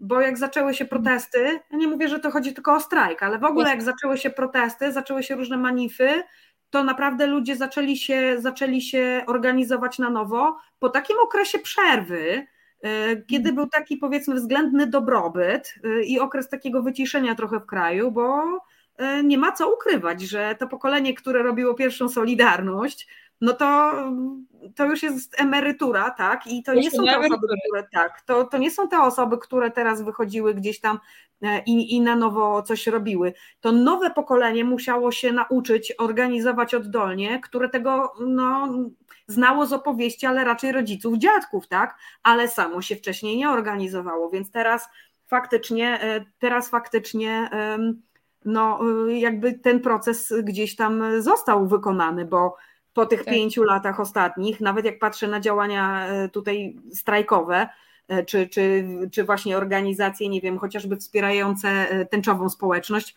no to myśmy bardzo duży progres zrobili. Teraz mamy sieci, jesteśmy gdzieś tam ze sobą połączeni, organizacje ze sobą współpracują. Mogą się lubić, nie lubić, bo w tym aktywistycznym świadku to różnie jest, ale jak jest taka sytuacja jak teraz, to jest absolutnie pospolite ruszenie i muszę powiedzieć, że obserwuję z dużym zadowoleniem, że te podziały gdzieś odchodzą zanikają. na dalszy plan, zanikają i ważniejsza jest teraz sytuacja, żeby ogarnąć wspólnie pewne rzeczy, jakieś zadania i wyzwania i to, te wszystkie jakieś animozje naprawdę idą w zapomnienie, bo jest wyzwanie, tak? I jest y, czas na działanie, nie ma czasu teraz tam wracać do jakichś zaszłych po prostu konfliktów, Wydaje mi się, że jest w tym jakiś, jakiś taki potencjał też na przyszłość.